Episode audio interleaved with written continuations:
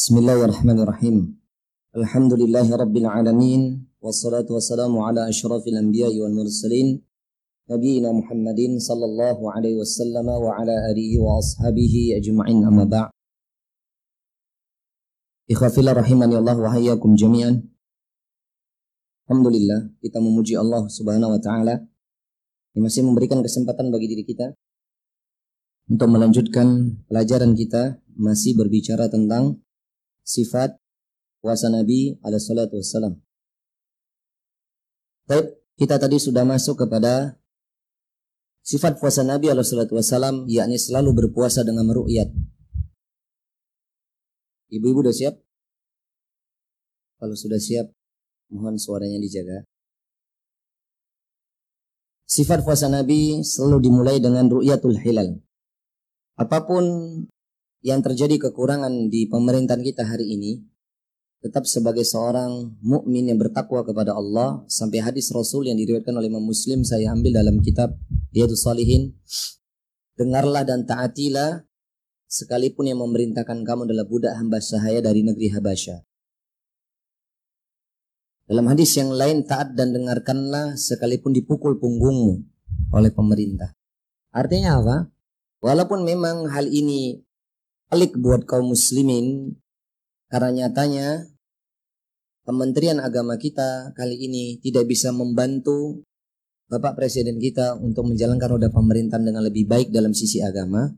Maka semoga saja keputusan pemerintah kita dalam 4 atau 5 tahun terakhir dalam menentukan puasa Ramadan kaum muslimin terbebas dari kesalahan. Karena ini adalah tanggung jawab Kementerian Agama. Sebenarnya tidak ada kaitan dengan Bapak Jokowi sebenarnya menurut saya sebagai seorang presiden. Atau presiden siapa pun sebenarnya tidak ada kaitannya. Karena memutuskan siapa? Kemenang. Betul apa tidak? Sangat kecil bagi presiden ngurusi hal-hal perik-perik seperti ini. Harus ini serahkan kepada menteri. Maka dalam hal ini bukan kita ini membongkar uh, atau membuat pemerintah jelek enggak. Karena salaf nggak boleh menjelek-jelekkan siapa pun kaum muslimin nggak boleh. Karena itu termasuk Firman Allah Subhanahu wa taala, "Wailul likulli humazatil lumazah." Celakalah bagi orang-orang yang suka mengumpat. Ini sampai diturunkan surah Al-Lumazah. Bukan berarti kita menjelek-jelekkan pemerintah karena pemerintah dalam hari ini tidak salah, yang salah persennya. Yakni Kementerian Agama yang kurang memiliki ilmu sehingga yang ditugaskan untuk meru'yat adalah orang-orang yang tidak paham ilmu. Paham ini jamaah? Maka kita berdoa kepada Allah semoga saja Allah telah menurunkan hidayah kepada seluruh kaum muslimin khususnya pemerintahan kita dan kemudian semoga nanti uh, keputusan Ru'yatul Hilal di Ramadan kali ini dan Syawal yang akan datang dan bulan-bulan berikutnya sesuai dengan tuntunan Allah dan Rasul. Nah, kita masuk yang kedua, yakni berniat di malam hari sebelum waktu subuh datang. Dan kita sudah membahas tadi, yakni hendaknya seseorang di antara kita memang berniat seperti dalam hadis yang sudah kita bahas tadi ya. Hadis sudah kita bahas tadi hadis riwayat Imam Abu Dawud Imam Turmidi Imam Anasai Imam Ibnu Majah. Kemudian juga disahihkan oleh Syekh Al-Albani dalam kitab Sahihul Jami hadis ke 6538 6538 sudah kita bahas. Bahwasannya berpuasa itu adalah di malam hari sebelum waktu subuh Lah di dalam masalah niat berpuasa di sini terbagi dalam dua pendapat secara umum di kalangan Syafi'iyah Indonesia. Ada di antara antum sekalian mungkin pernah mendengar satu kali niat untuk satu bulan penuh. Pernah dengar? Pernah ya? Ah, saya niat sebulan penuh. Begitu pernah dengar? Di kalangan Syafi'iyah Indonesia ini lazim. Apakah ini dibenarkan? La. Ini tidak dibenarkan. Karena hadis yang menunjukkan berniat itu harus setiap malamnya jelas hadis itu menunjukkan contoh tadi hadis yang disahkan oleh Imam Imam Abu Dawud, Imam Turmidi, Imam Anasai, Imam Ibnu Majah, hatta disahkan oleh Syekh Al-Albani bahwasanya man lam yujma'u siyam qabla al-fajri fala siyama lahu. Barang siapa yang tidak mengumpulkan niat di malam hari sebelum datangnya waktu subuh, maka tidak ada puasa bagi dirinya. Ini menunjukkan puasa ini harus diniatkan setiap malam. Betul? Sehingga uh, sebagian lagi Syafi'iyah di Indonesia mereka berijtihad diniatkan kemudian memakai kias memakai lafat niatnya haji dan umroh. Kalau niat haji dan umroh kan ada lafat niatnya. Ya, apa lafat niatnya? Haji dan umroh labbaik Allahumma umratan labbaik Allahumma hajjan ketika mereka ngambil mikot. Jadi bagaimana? Ini ada syariat ya akhi. Kalau memang ini disyariatkan, laukana khairan lasabukuna ilaih. Laukana khairan lasabukuna ilaih. Jikalau ini baik harusnya mereka yang pertama kali mengerjakannya, ini para sahabat. Nyatanya tidak pernah dikatakan nawaitu sama ghadina nada. Anda nggak mengatakan ini salah dan merendahkan muslimin yang lain. Tapi kalau anda beramal, berani nggak bertanggung jawab? Mana dalilnya? Imam Syafi'i ada? Nggak ada. Maka ikhwani fiddin, Allah wa iyyakum jami'an, kita harus memahami bahwasannya berniat berpuasa ini kemudian mereka berijtihad. Dilakukannya setiap malam sehabis salat witir, gitu kan. Ayo sarang-sarang jamaah, kalau bahasa Jawa itu niatnya kosong gitu ya kurang lebih gitulah. Ya Gus ya. Maka coba lihat ini ini lazim. Di Indonesia lazim. Hatta dari Sabang hingga Merauke dikatakan mereka madhab syafi'iyah. Kalau mereka mengatakan madhab syafi'i mana di kitab Imam Syafi'i yang mana mencantumkan nawaitu sama ghadin ta'al datang kemari mana mana mana dalilnya kalau memang ada dan kalau memang kita biasa melakukan itu coba kita berpikir akhi siapa ulamanya Siapa ulama sejak kapan itu keluar? Kita nggak tahu kan. Mak berdudu, mak jegagi lahir harus dengar dari kecil. Betul nggak? Terus nama bodan? Iya. Dan alhamdulillahnya kok kita yang melu gitu loh. Ya karena kita pada saat itu dan sekarang ya sama, sama-sama bodoh kita ini. Sama anak juga masih bodoh. Dan anak tidak maksud merendahkan kaum muslim satu dengan yang bukan. Kita ingin mengungkap yang hak. Kalau guru kami mengatakan antara adat dan syariat. Beramal ibadah itu di Indonesia ini antara adat dan syariat. Lebih dimenangkan adatnya dibandingkan syariatnya. Harus apa buatan? Enggak bisa.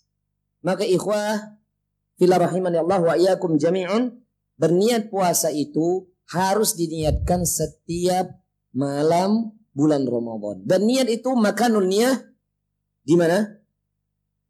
Fil khalbi Dalilnya jelas. Lillahi ma fis samawati wa ma fil ard.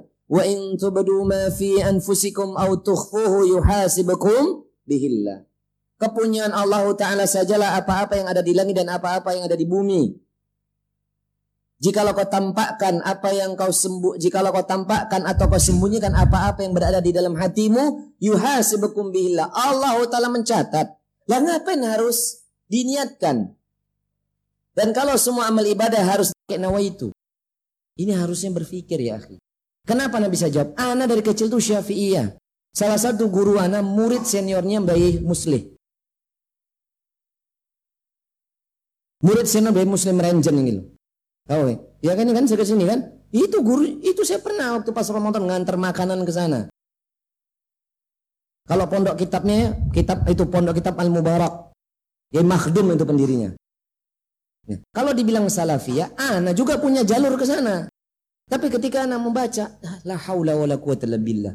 Bulughul maram dipelajari, bulughul maram disisihkan, ngambil fatul qarib, fatul mu'in. Ya kan? Fatul mu'in, fatul qarib. Yang diambil kitab ini. Betul nggak Gus?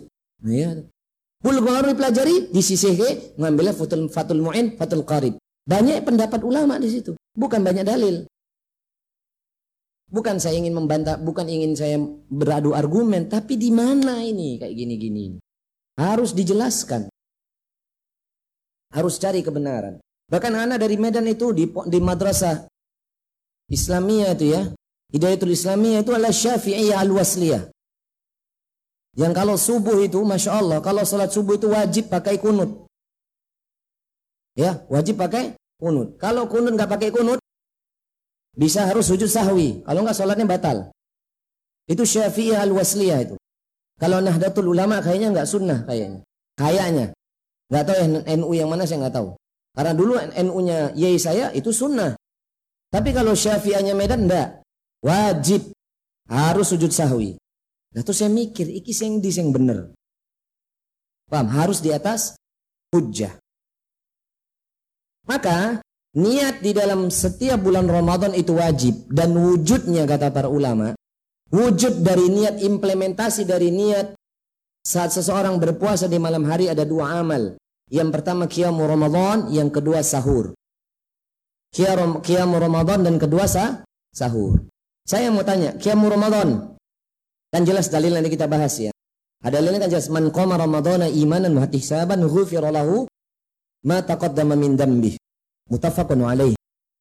Barang siapa yang bangun di malam bulan Ramadan yang kita bahas karena iman dan mengharapkan pahala di sisi Allah, dia akan diampuni dosa-dosanya setahun yang lalu. Lah pertanyaannya anak mau tanya, adakah mungkin orang yang sholat tarawih, kalau bahasa orang sekarang namanya tarawih, adakah orang sholat tarawih atau qiyamul Ramadan di malam hari besoknya nggak puasa? Mungkinkah? Mungkinkah? Ya udah ngerti kalau besok puasa makanya sholat tarawih malamnya. Betul apa enggak? Boleh nggak malam malam satu syawal sholat tarawih?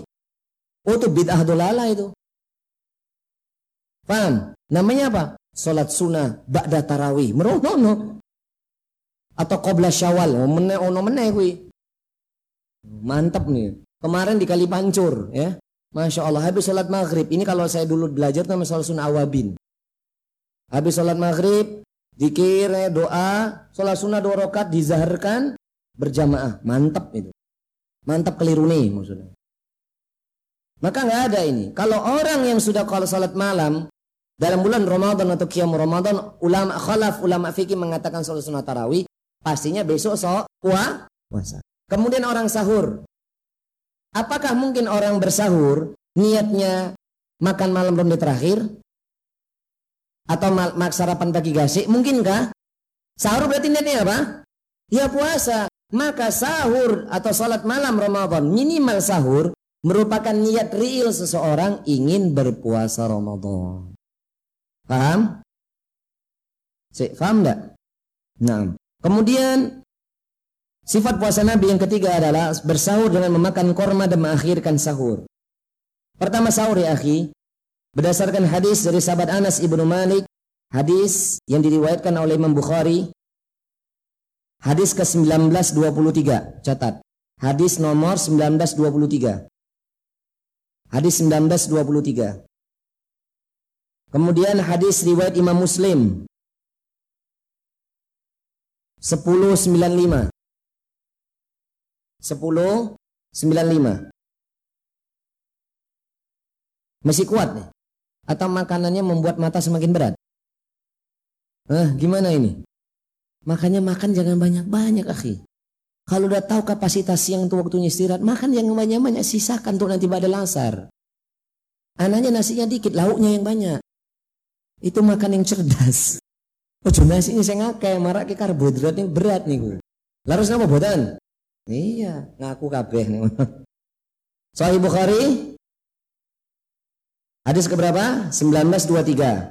Muslim 1095. Bunyi hadisnya tasaharu fa inna fi suhuri barakatan. Bersahurlah kalian, bersahurlah kamu karena sesungguhnya di dalam sahur itu ada keberkahan.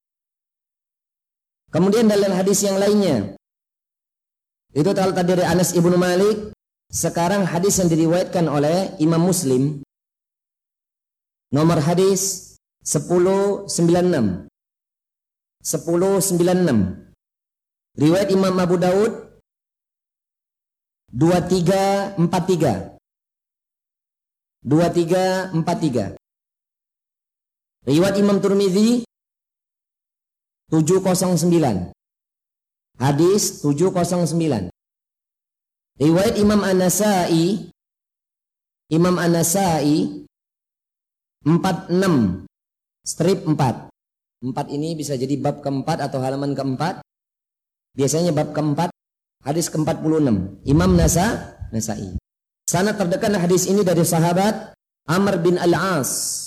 Amr bin Al-As dia berkata, qala Rasulullah sallallahu alaihi wasallam Bersabdalah baginda Rasulullah sallallahu alaihi wasallam, "Faslu ma baina siyamina wa siyami ahlal kitabi aklatas suhur." Pembeda antara puasa kita orang muslim dengan puasanya ahli kitab. Siapa itu ahli kitab? Yahudi dan Nasrani adalah karena makan sahur. Jadi kalau ada orang muslim mengatakan, ah saya puasa nggak perlu sahur, takut tambah lemu. Nah, sahurnya keliru soalnya. dan makan malamnya keliru. Seringnya kaum muslim itu makan malamnya ba'da tarawih, betul enggak? Habis tarawih turu. Terus sama buatan marak lemu nih Nanti kita bahas. Sabar ya. Masih jauh kan? Masih jam satu kan? Sampai jam berapa nih? Jam 5? Doer sana. Nah bisa, anda punya jadwal lagi. Habis ini ke Pudak Payung ini habis ini. Habis ini langsung selesai asar. Kalau bisa sana ke Pudak Payung. Ya. Maka coba ikhwah. Apalagi akhwat sering ini menyepelekan. Mas tadi malam makannya kebanyakan mas nggak sahur besok. Lu nggak bisa. Orang mukmin itu, orang muslim itu dia puasa harus sahur. Karena kalau dia nggak puasa dengan sahur dan menyengaja, jadi seperti orang Yahudi atau Nasrani. Dalam hadis yang lain, man tasyabbaha biqaumin fahuwa minhu. Barang siapa menyerupai suatu kaum dia akan sama dengan kaum tersebut. Nggak boleh. Maka tetap harus sahur. Karena ini bukti nyata dia berniat. Niat untuk berpuasa. Dan kemudian Apakah sahur suruh makan nasi? Enggak juga, akhi. Bahkan ada hadis yang diriwayatkan oleh Imam Ibnu Hibban. Imam Ibnu Hibban. Hadis nomor 3476. 3476. 3476. Kok jadi Jawa ya? 76. Kemudian Imam Ahmad 12 garis miring 3. Hadis ke-12 garis miring 3. Kemudian Abu Ya'la. Bukan Ustaz Abu Ya'la Kurnaidi, beda itu teman. Abu Ya'la. Imam Abu Ya'la hadis ke-3340. 3340. Dari sahabat Anas ibnu Malik atau dari sahabat Abdullah bin Amr bin Al-As dan sahabat Abdullah bin Amr bahwasanya Rasulullah mengatakan tasaharu walau bijar'atin bijar'atin ma bersahurlah kamu walau kamu minum seteguk air. Jadi sahur itu belum minum seteguk air itu namanya sahur. Sahur itu nggak perlu pakai menu andalan ibu-ibu. Kalau udah mefet, Indomie sama telur. Ini udah kayaknya udah persiapan dua kardus kayaknya. Iya Pak ya. Ini paling mudah ya Bu ya. Paling mudah Masya Allah tabarakallah. Iya ini andalan sama di rumah juga andalan. Kalau mefet ya masa telur. Ini kalau kebiasaan makan indomie sebulan penuh salam ini perutnya. Sahur indomie. Pulang pulang tarawih ya indomie. Lah ususnya piye niku. Ya. Kalau misalnya atau misalnya atau pakai telur lain, iya subhanallah ya akhi. Ini mulai dirubah, karena itu nggak sehat. Apalagi buat mata. Karena makan pakai mata kan nggak mungkin. Memang nggak bagus sering makan indomie itu nggak boleh ya. Paham ini? Ya kalau sekali lihat telur di dadar, telur dicoplok, ceplok oke okay lah. Tapi kalau indomie terus, apalagi indominya cuman manasinya pakai dispenser, waduh, wasalam itu perut.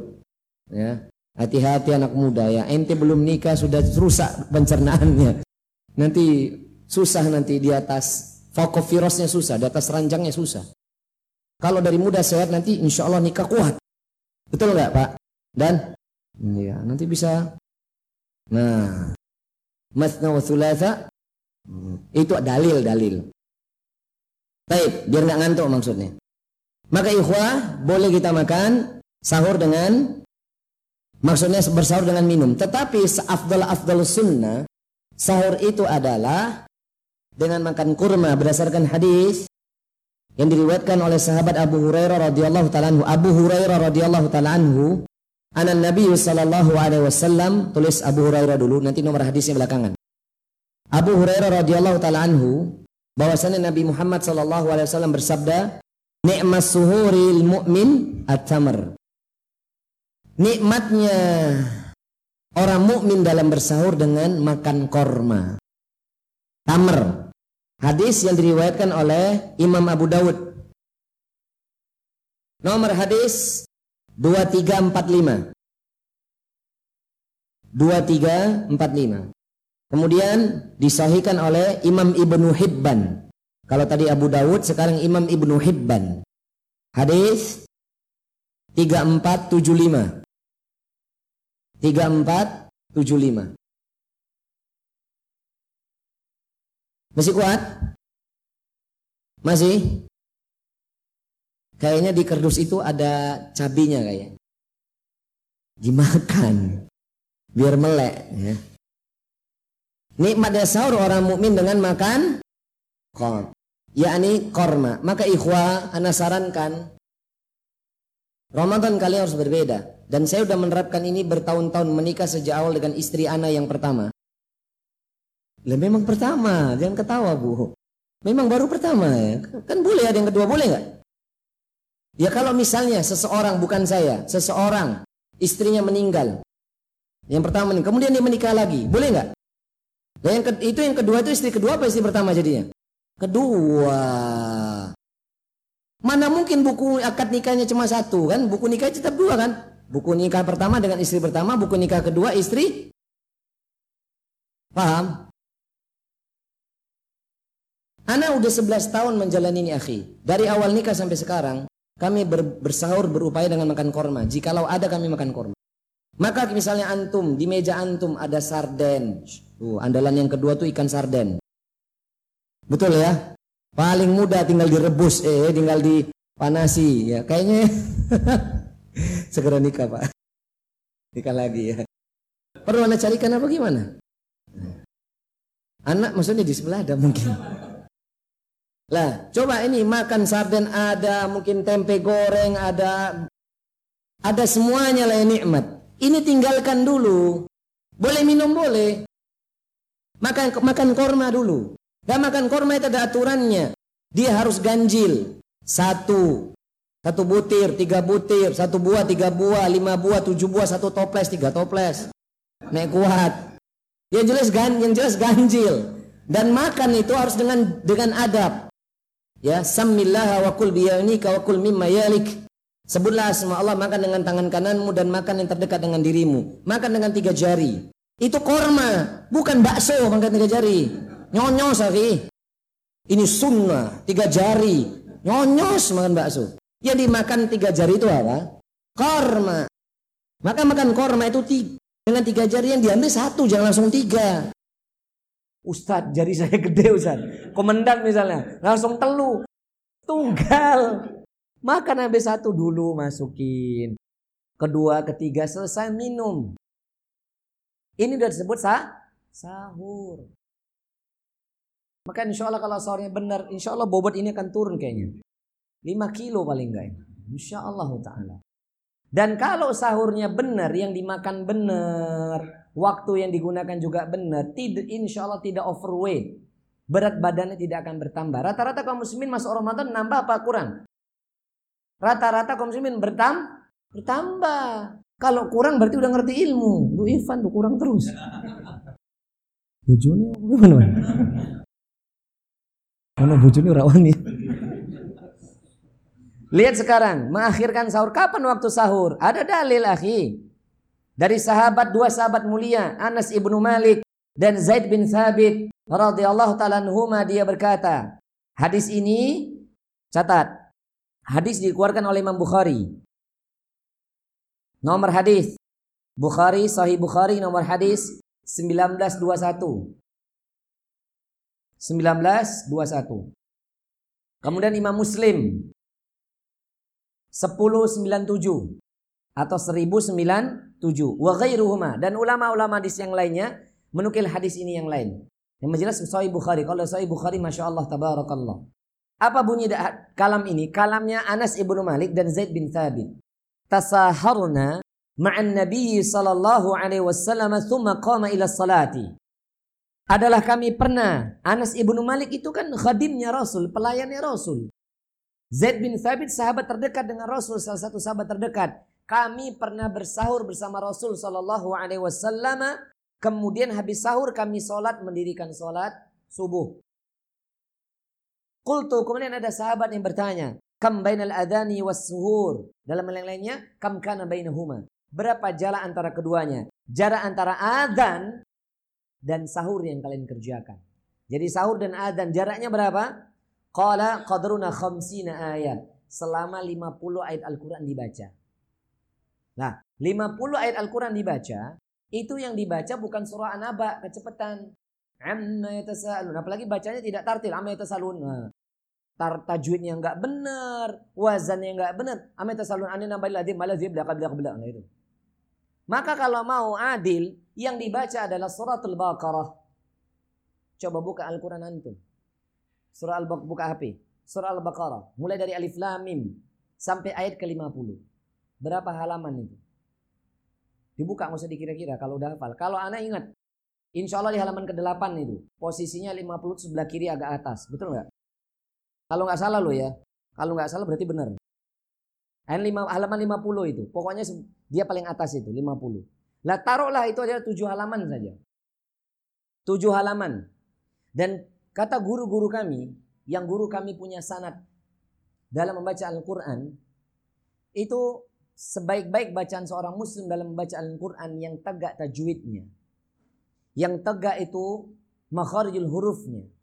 Tartil dalam membacanya. Karena dalilnya jelas. Warattinil Qur'ana tartila. Engkau membaca Quran dengan tartil.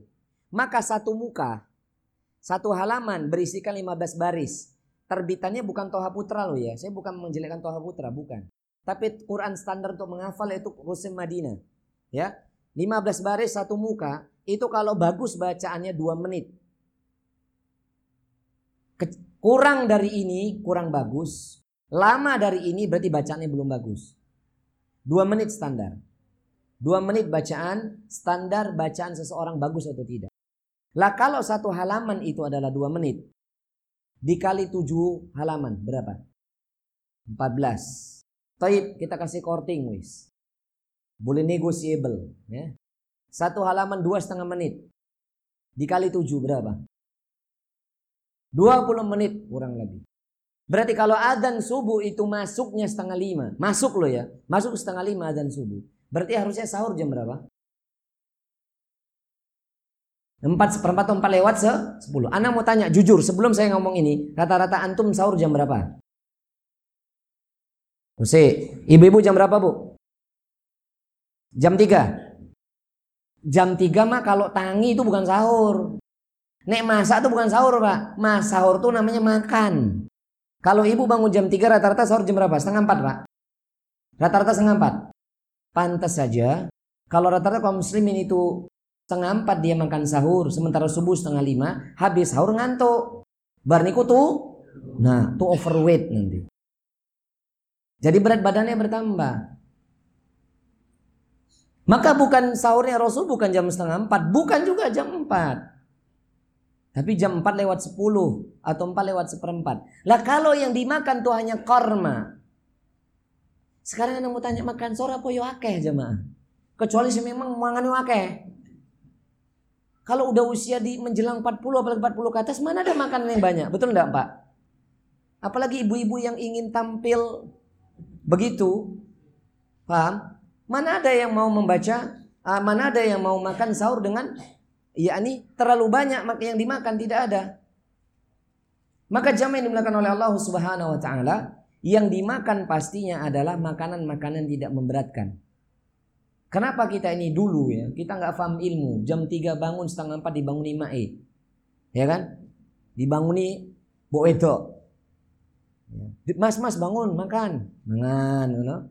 ngantuk tidur. Kadang supaya nggak ngantuk nontonnya dempak dundung jos. Ya toh? Cukup nggak makan itu sebenarnya 20 menit 15 menit? Cukup nggak? Nggak cukup. Kalau makan itu ketika menu pertama berada di meja diputusi. Cetek, tulis menu sahur malam pertama. Share, seret. Faca book, WhatsApp, Instagram, desigram, kilogram, di share kabeh. Lah ya nggak cukup, belum lagi makan gini. Nah, ngapa ini? Nggak cukup. Belum lagi nonton. Hatta demi Allah akhi, antum buka rojak TV sekalipun, insan TV, itu tidak sesuai dengan sunnah.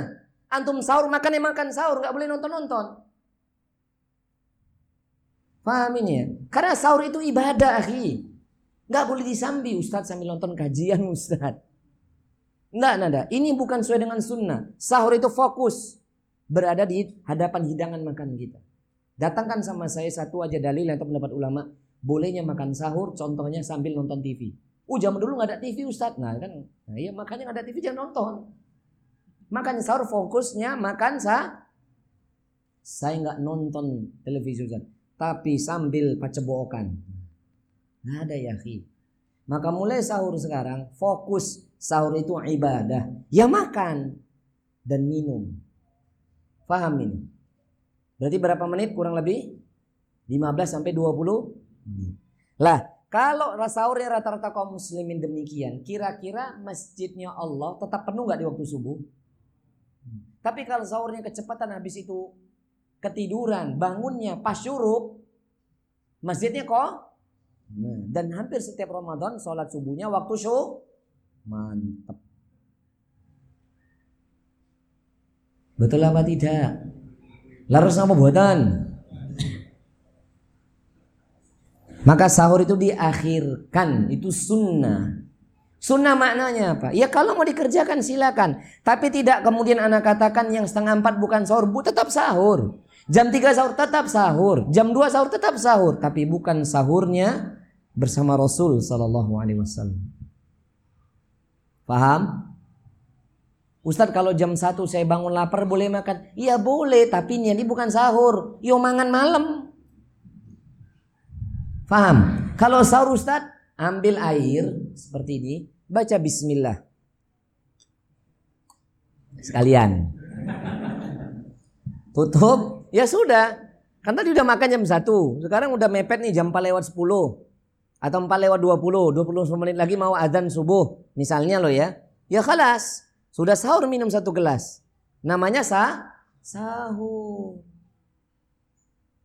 Sahur itu tidak identik makan yang berat. Dan ini saya juga kasih paham ya akhi. Kasih ilmu. Sahur itu kan perut kita akan berpuasa. Kalau bisa masuknya itu jangan yang berat-berat dan jangan yang pedas. Dan terbaik itu pasti korma. Karena ketika perut itu baru bangun. Kan tidur baru bangun itu mau berproses dia. Kasihlah dia makanan yang manis namun natural. Pasti korma yang bagus. Kalau anak sama istri, biasanya istri yang pertama itu. Biar melek nih bapak-bapaknya. Itu kalau nggak malamnya direndam atau besok pagi langsung di blender, dikasih air hangat, terus diminum. Kasih tujuh atau sembilan, bukan tujuh toples ya. Tujuh apa sembilan di di blender minum selesai khalas dan itu bertenaga insya Allah taala. Paham ini? Nah. Kemudian adalah menyegerakan berbuka. Menyegerakan berbuka. Yang ketiga menyegerakan berbuka dalam bahasa Arabnya ta'jilul iftar. Nah, takjil itu artinya menyegerakan. Kita ngomongnya apa? Yuk kasih takjilan yuk. Ya itu. Karena kita minimnya pinter bahasa Arab, jadinya takjil dianggap makanan. Terus apa buatan? Jadwal takjil. Masjid A. Ya nggak apa-apa. Yang penting udah ngerti bahasa Arab. Enggak ngerti tahu ternyata itu bahasa Arab takjil. Berasal dari kata apa? Ajala. Segera. Takjil engkau segerakan. Ya, paham ini? Disegerakan. Takjil. Menyegerakan berbuka. Mana dalilnya? Dalilnya catat. Riwayat Imam Bukhari hadis 1957 Imam Bukhari hadis 1957 Kemudian disesuaikan oleh Imam Muslim nomor hadis 1098 Nomor hadis 1098 Masih kuat jamaah? Ntar lagi kita pulang kok, tenang aja. Satu jam lagi mulai Hana. Tenang aja. Bar kuwi bar iki saiki. Berapa? 10 9 Kok 10 98? Si. 10 98 ya. Sahih Muslim ya. Rasulullah mengatakan dalam hadis sahabat Sahal bin Sa'ad, Sahal bin Sa'ad, anna Rasulullah sallallahu alaihi wasallam qala bahwasanya Rasulullah SAW bersabda, la yazalun nasu bi khairin ma'jalul fitrah Tidaklah senantiasa manusia selalu berada di dalam kebaikan. Manusia selalu berada di dalam kebaikan selama dia menyegerakan berbuka. Lah kapan menyegerakan berbuka itu? Lah kaum muslimin kalau di Medan itu kadang keliru. Suara beduk beduknya masih dok dok dok dok dok dok dok langsung ngombe. Keliru ini. Ya. Dok dok dok dok dok. Nah. Sekarang terbaru adzan Android. Hati-hati. Ini antum baru dari Solo terus balik ke Semarang pakai waktu Solo, wassalam buat anda. Maka bukan azan Android. Yang benar adalah azan yang dilazimkan waktunya secara menyeluruh menyerata di Indonesia.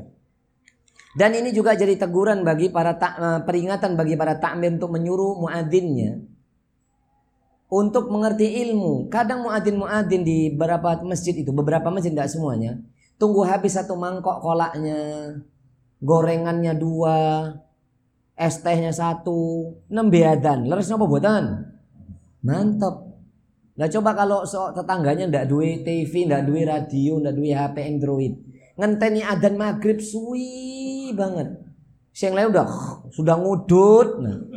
Sing wis puas satu batang, dua batang, yang kini orang buka. Belum belum apa namanya berbuka puasa. Lah, yang benar bagaimana? Harusnya ketika Ramadan sudah masuk minum aja dulu. Kemudian dia apa namanya? adzan.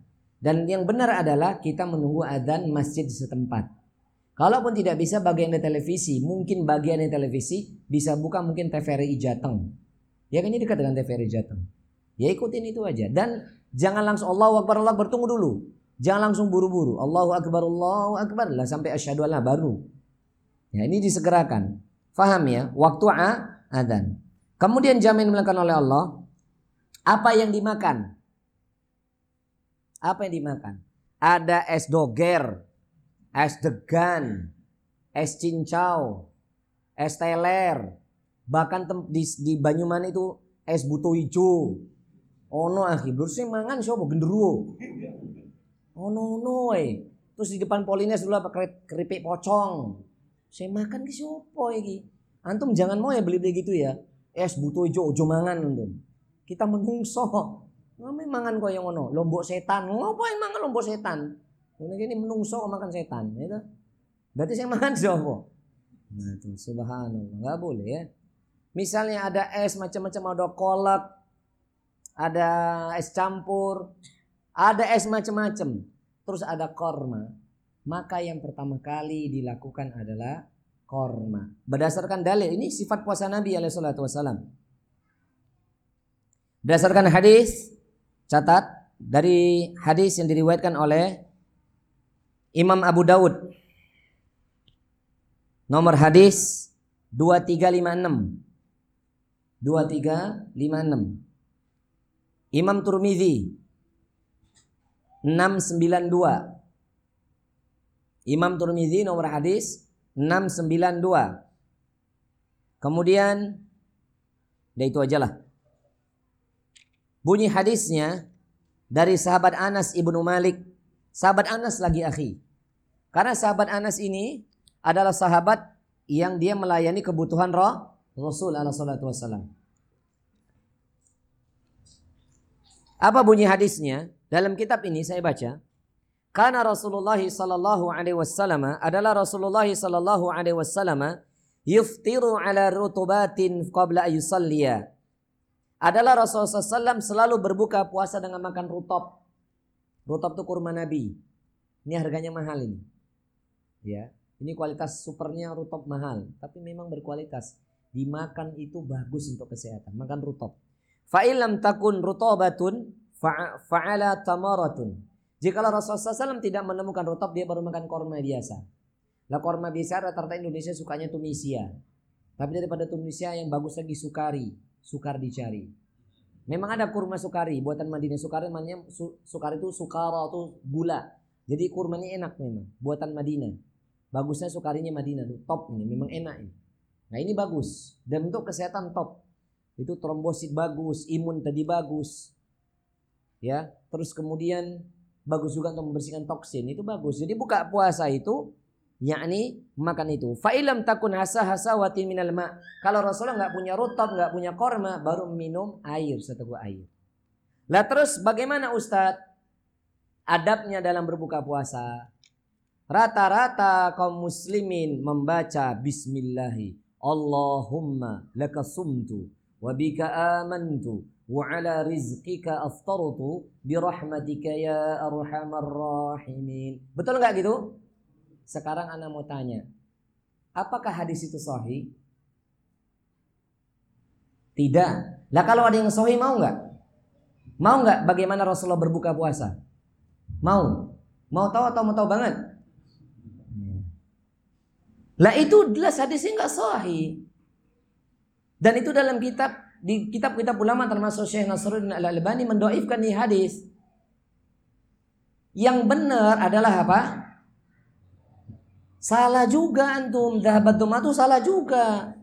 Yang benar buka puasa ketika adzan masuk baca bismillah. Ini yang benar, bukan bismillah dahabat doma belum. Lihat ya kalimat doa dahabat doma ini hadisnya saya baca nih hadis ya. Dahabat doma tulis hadisnya hadis diriwayatkan oleh Imam Abu Dawud. Catat dulu Imam Abu Dawud. Nomor hadis 2357. 2357. Imam An-Nasai. Luar biasa nih Imam Nasai ini. Hadis 10.131 10.131 10131 dan hadis 3329 3329 Imam Anasa Imam uh, Ibnu Sina Ibnu Sina nggak usah dipakai wis Imam Anasa aja terakhir ya yakni bunyi hadisnya apa dari sahabat Abdullah ibnu Umar radhiyallahu taala anhu. Ini ini perhatikan bunyi hadisnya. Bukan baca dhahabat doma wa batalatin uruk wa insyaallah langsung makan. Ini salah ini. Ini adab ini juga salah. Perhatikan di dalilnya. Dari sahabat Abdullah ibnu Umar, qala dia berkata, "Kana Rasulullah sallallahu alaihi wasallam idza aftiru qala." Adalah Rasulullah SAW apabila telah berbuka Apabila berbuka dia berucap zahabat domau wa batalatil uruq wa thabatal ajru insyaallah. Zahabat domau. Telah hilang dahaga. Kalau hilang dahaga berarti ada yang masuk dulu nggak? Ada yang masuk nggak? Iya. Wa batalatil uruq telah basah kerongkongan. Wa thabatal ajru insyaallah. Telah ditetapkan ganjaran jika diizinkan Allah. Maknanya apa? Makan korma dulu baca bismillah ini kan ini adab ya, tak langsung kompletin. Ini ada korma nih, sukari, sukardi. Atau pokoknya korma yang bagus. Baca bismillah, ini udah azan. Allahu akbar, Allahu akbar. Terus langsung kan, baca bismillah, makan. Bijinya jangan dimakan ya. Baca bismillah dimakan, minum didorong, berhenti sejenak, baca doa. Zahabat doma'u wa batalatil uruqu wa sabbatal ajru insyaallah. Terus bagaimana Ustaz makan lagi? Tunggu dulu. Berhenti sejenak, angkat kedua tangan sejajar dengan bahu. Karena ini waktu yang mustajab kepada berminta kepada Allah Jalla Jalalu. Jangan buru-buru. Ustadz S. Dogere menggoda. Engkose. Karena ketika perut kosong jangan langsung masuk RS. Ini nggak baik. Untuk lambung apalagi untuk mata. Taruh di mata nggak bagus. Kalau perut kosongnya masuk itu kalau nggak air hangat, ya korma dulu. Jangan makanya ditahan, jangan minum es. Kalau sering minum es tuh marah perut tambah maju nih. Ini alam anak nggak minum es aja udah begini. Duduk terus. Kurang buju. Paham ini?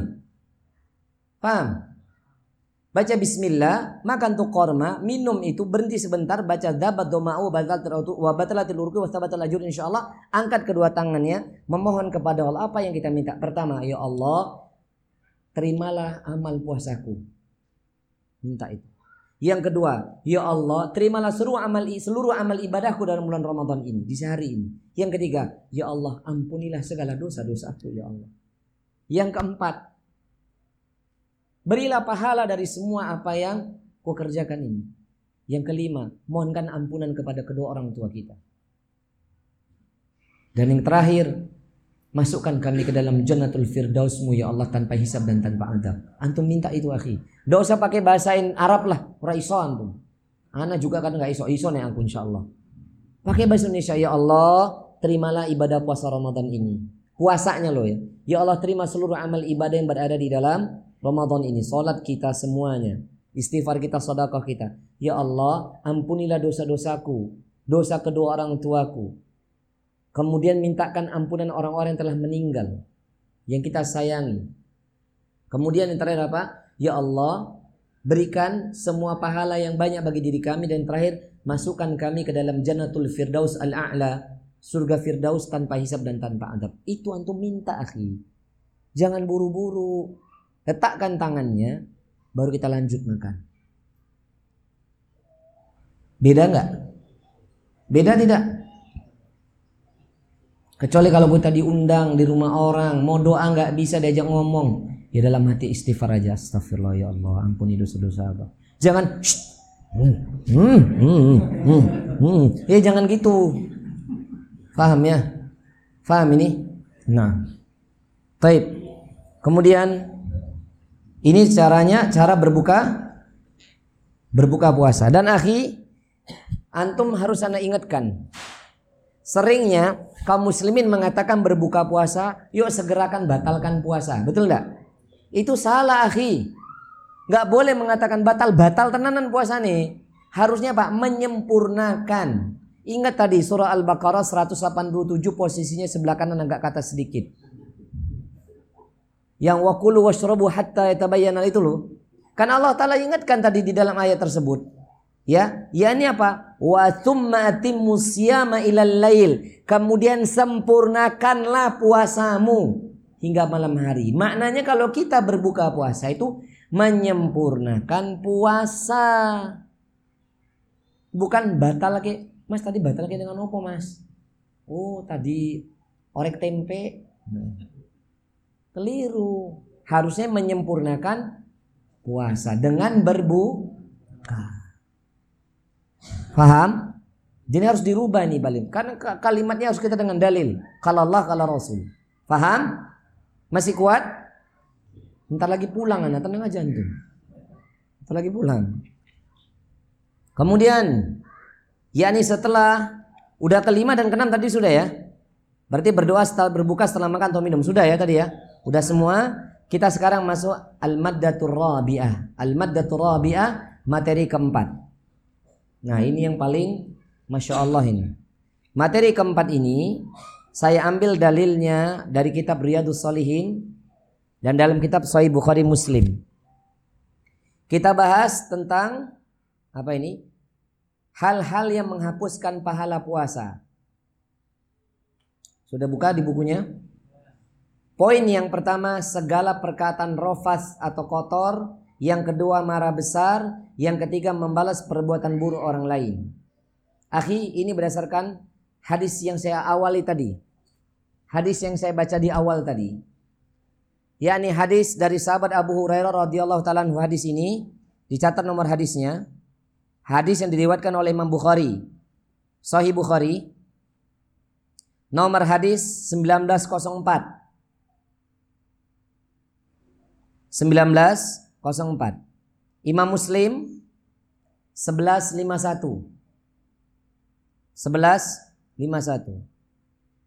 Fa'an Abi Hurairah radhiyallahu taala anhu dari sahabat Abu Hurairah radhiyallahu taala atasnya anna Rasulullah sallallahu alaihi wasallam qala bahwasannya Rasulullah sallallahu alaihi wasallam bersabda qala Allah azza wa jalla Allah azza wa jalla berfirman kullu amali ibni adam lahu semua amal perbuatan anak cucu Adam adalah untuk diri mereka sendiri Salat untuk kita, zakat untuk kita, haji untuk kita, menuntut ilmu untuk kita, berbuat berbuat baik sama orang tua untuk kita.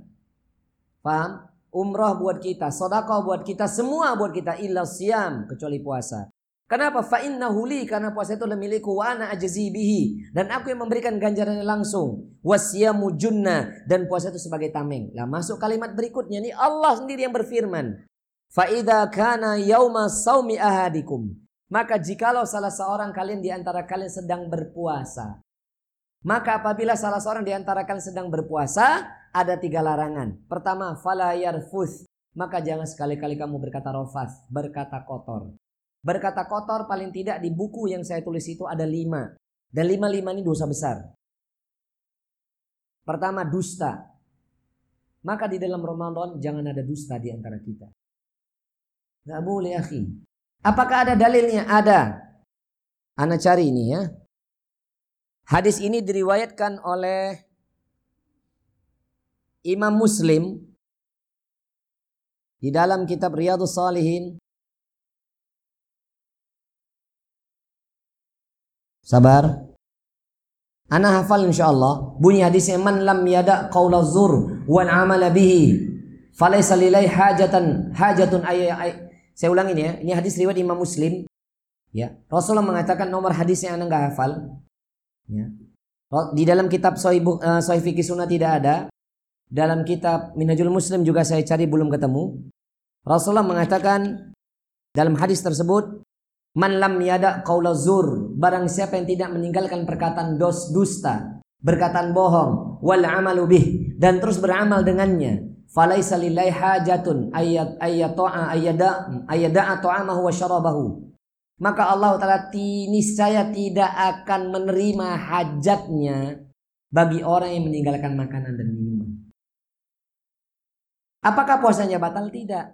Tapi dia menghapus banyak pahala ini. Saya ulangin ya. Barang siapa yang tidak meninggalkan perkataan bohong dan terus beramal dengannya, maka Allah niscaya tidak akan menerima hajatnya walaupun dia meninggalkan makanan dan minuman. Sekarang kalau pahala puasa itu 100, kalau dia bohong 10 kali, tinggal berapa? 90. Sekarang anak mau tanya, kalau di pagi hari kita berbohong, naudzubillah, seseorang berbohong. Dia nggak mau bersadar, dia nggak mau sadar, nggak mau bertobat, tidak mau menyadari. Kira-kira datang nggak kebohongan berikutnya? Datang nggak kedustaan berikutnya? Datang akhi, maka jangan bohong. Dan ini banyak kaum muslimin puasa-puasa bohong. Betul apa tidak? Ustadz saya bohong nggak dengan kata-kata tapi tulisan. Wah, podoai. Chatting bohong. Di upgrade kwitansi pembelian. Bohong nggak itu? Bohong. Entek amale. Hati-hati. Bahaya ini akhi. Ya. Kemudian yang kedua, riba taiman. Tahu riba taiman? gosip. Makanya ibu-ibu, Pak, larang ibu-ibu nonton inseret nih rumah, Pak. Tahu inseret? Enggak kenal dengan artisnya, jumpa juga enggak pernah, ikut-ikut benci ngapain, Bu? Ini juga masa-masa pemilu seperti ini. Wah, ini wah bahaya ini. Dan riba itu adalah pintu terakhir yang dikerjakan seorang mukmin, seorang muslim tapi ada pintu sebelumnya yang dia kerjakan. Riba tidak akan terjadi kalau dia belum melalui kedua pintu. Berada dalam surah Al-Hujarat. Surah ke 49 itu juz 26-an. Benar ya, juz 26. Ayat ke-12. Jadi riba itu terjadi karena masuk dua pintu sebelumnya. Pintu pertama bernama suudon, pintu berdua bernama tajasus. Kita lihat baca dalilnya. Ya ayyuhalladzina amanu jtanibu katsiran minadh-dhanni inna ba'dadh-dhanni idhm ولا تجسسوا ولا يغتب بعضكم بعضا أيحب أحدكم أن يأكل لحم أخيه ميتا فكرهتموه Wattaqullah innallaha tawwabur rahim. Kalau dengar ayat ini makin tidur berarti Masya Allah ini. Ngantuk banget antum. Wahai orang-orang yang mengaku beriman kepada Allah, jauhilah kebanyakan kalian prasangka. Karena sebagian prasangka adalah dosa. Suudon, satu dosa. Wala tajassasu. Kalau orang kebanyakan suudon, maka akan nimbul penyakit yang kedua. Yakni apa? Tajassus memata-matai saudaranya. Ya ini apa? Mencari-cari, mengorek-ngorek aib saudaranya. Kepo. Kepo milenial apa? Gole aib saudara nih. Dia jeng, jeng, jengklit. Nggak boleh ini. Ini kalau sudah dia cari aib saudara, cari bun, kumpulkan bukti-bukti. Wala yakhtab ba'dakum ba'don Dan jangan kamu berghibah. Riba ini dosa besar akhi. Dan riba ini satu di antara 76 dosa besar yang berada di dalam kitab Al-Kabair karangan oleh Imam Al-Dahabi. Imam Al-Dahabi. Jangan riba. Maka saya sarankan Bapak yang sayang sama istri dan anak perempuannya, top channel TV nasional. Dalam Ramadan, bahkan sekarang, dibiasakan sekarang, jangan nonton inceret. Apa nonton-nonton? Olahraga aja. Coba tuh koran suara merdeka. Kolam olahraga ono gosipe sisan. Terus apa buatan? Jangan dibuka. Faham ini? Faham ya Pak? Ada ketahuan buruk orang lain, saya nggak mau tahu. Kalau telinga kita ini sering mendengar aib orang lain berarti masalah nih diri kita. Karena orang mukmin yang baik selalu ditutup telinganya dari aib orang lain. Dan sampai dia nggak peduli karena nggak mau ngotori hati ya, Jangan. Jangan riba. Tapi jangan pula ketika tekan ngomongin ngomong temannya datang ngomong, jeng jeng haram haram nggak boleh. Jangan ngomong begitu. Bilang maaf ya Mbak Yu, kita ngomong yang lain. Maaf ya Mas, kita ngomong yang lain. Jangan riba. Yang ketiga, yakni adalah mencela mengumpat. Seperti dalam dalil yang tadi saya katakan, wailul likulli humazatil lumazah. Celakalah orang-orang yang suka mengumpat. Termasuk dalam hadis Bukhari. Ciri-ciri orang yang sombong. Rasulullah mengatakan tidak akan dimasukkan ke dalam surganya Allah apabila seseorang memiliki kesombongan walaupun seberat biji zarrah.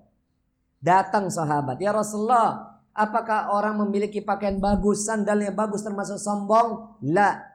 Al-kibr huwa batarul haq wa ghantun nas. Sombong itu engkau menolak kebenaran datangnya dari Allah dan Rasulnya dan kau merendahkan manusia. Maka merendahkan manusia, mencela manusia itu satu dosa yang bisa merontokkan pahala. Contoh, bahasa programnya Semarang sampai ke Merenjen. Des, ini des. Apa des?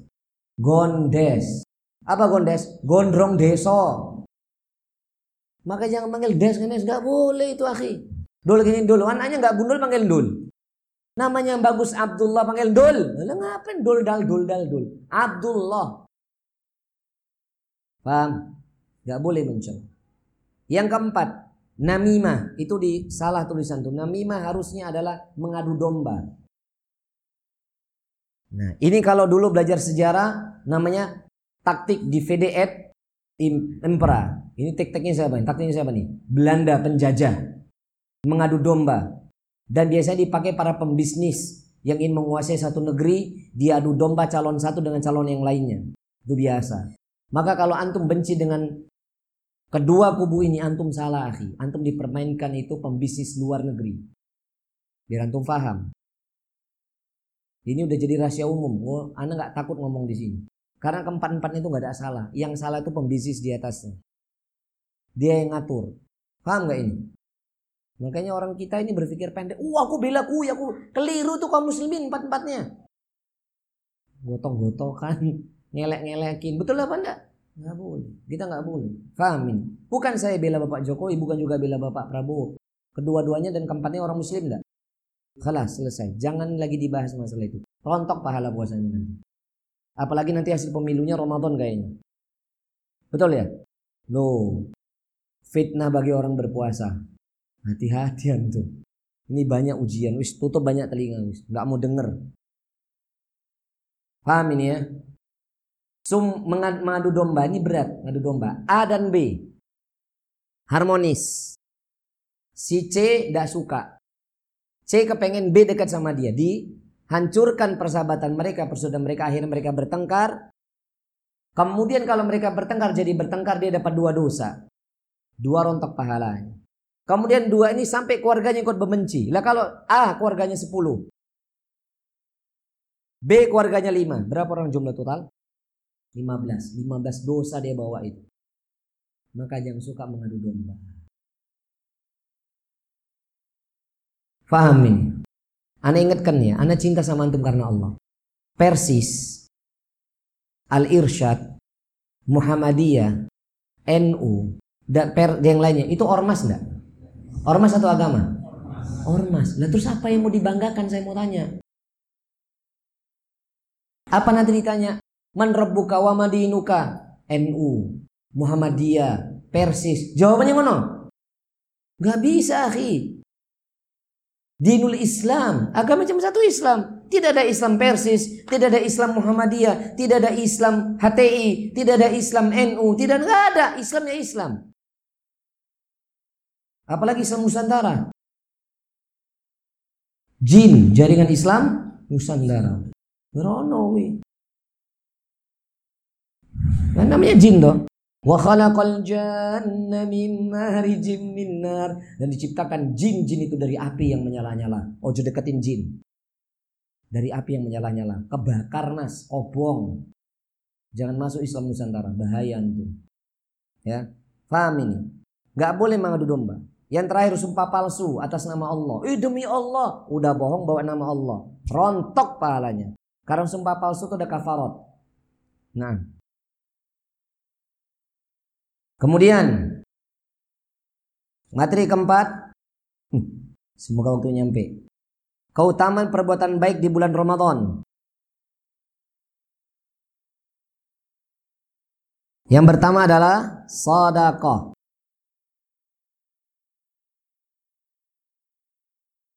Ini dalilnya ada, ada akhi. Wah, waktu kita nggak cukup kayaknya. Sedekah, dalilnya catat. Hadis diriwayatkan oleh Imam Turmizi. Tidak disebutkan di sini nomor hadisnya.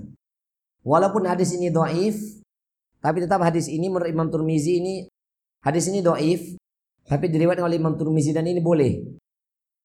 Rasulullah mengatakan afdal sadaqati sadaqatan fi Ramadan. Sebaik-baik bersedekah adalah di bulan Ramadan. Karena ingat kembali kepada hadis Muslim, ila at'afin katsira. Ramadan itu bulan yang sempurna dan dilipat gandakan seluruh pahala yang berada di dalamnya. Maka orang kalau bulan Ramadan harus memperbanyak sedekah. Jamaah masih kuat nggak? Anak antum habis ini selesai kan selesai toh. Anak masih nyambung sore. Kalau antum nggak loyo ini lah, gimana ini? Antum demak, anak gunung pati akhi turun gunung ini. Jatuh nih. Antum semangat. Jangan gitu loh subhanallah. Ayo. Yang dari boja aja semangat umur-umur anak. Ah, semangatlah. Ayo semangat. Habis ini pulang anak, pulang selesai. Assalamualaikum habis ini. Sabar, sabar, ntar lagi selesai. Minum dulu ah. Nengok antum lemes, anak jadi lemes ini. Bu, jangan lemes bu. Turu jangan-jangan bu. Sudah belum? Ya salam. Ada lagi jamin Allah. Banyak banget ini hadisnya. Banyak banget tentang hadis sedekah banyak. Ini minimal ada saat ada satu dua, tiga, ada enam akhi.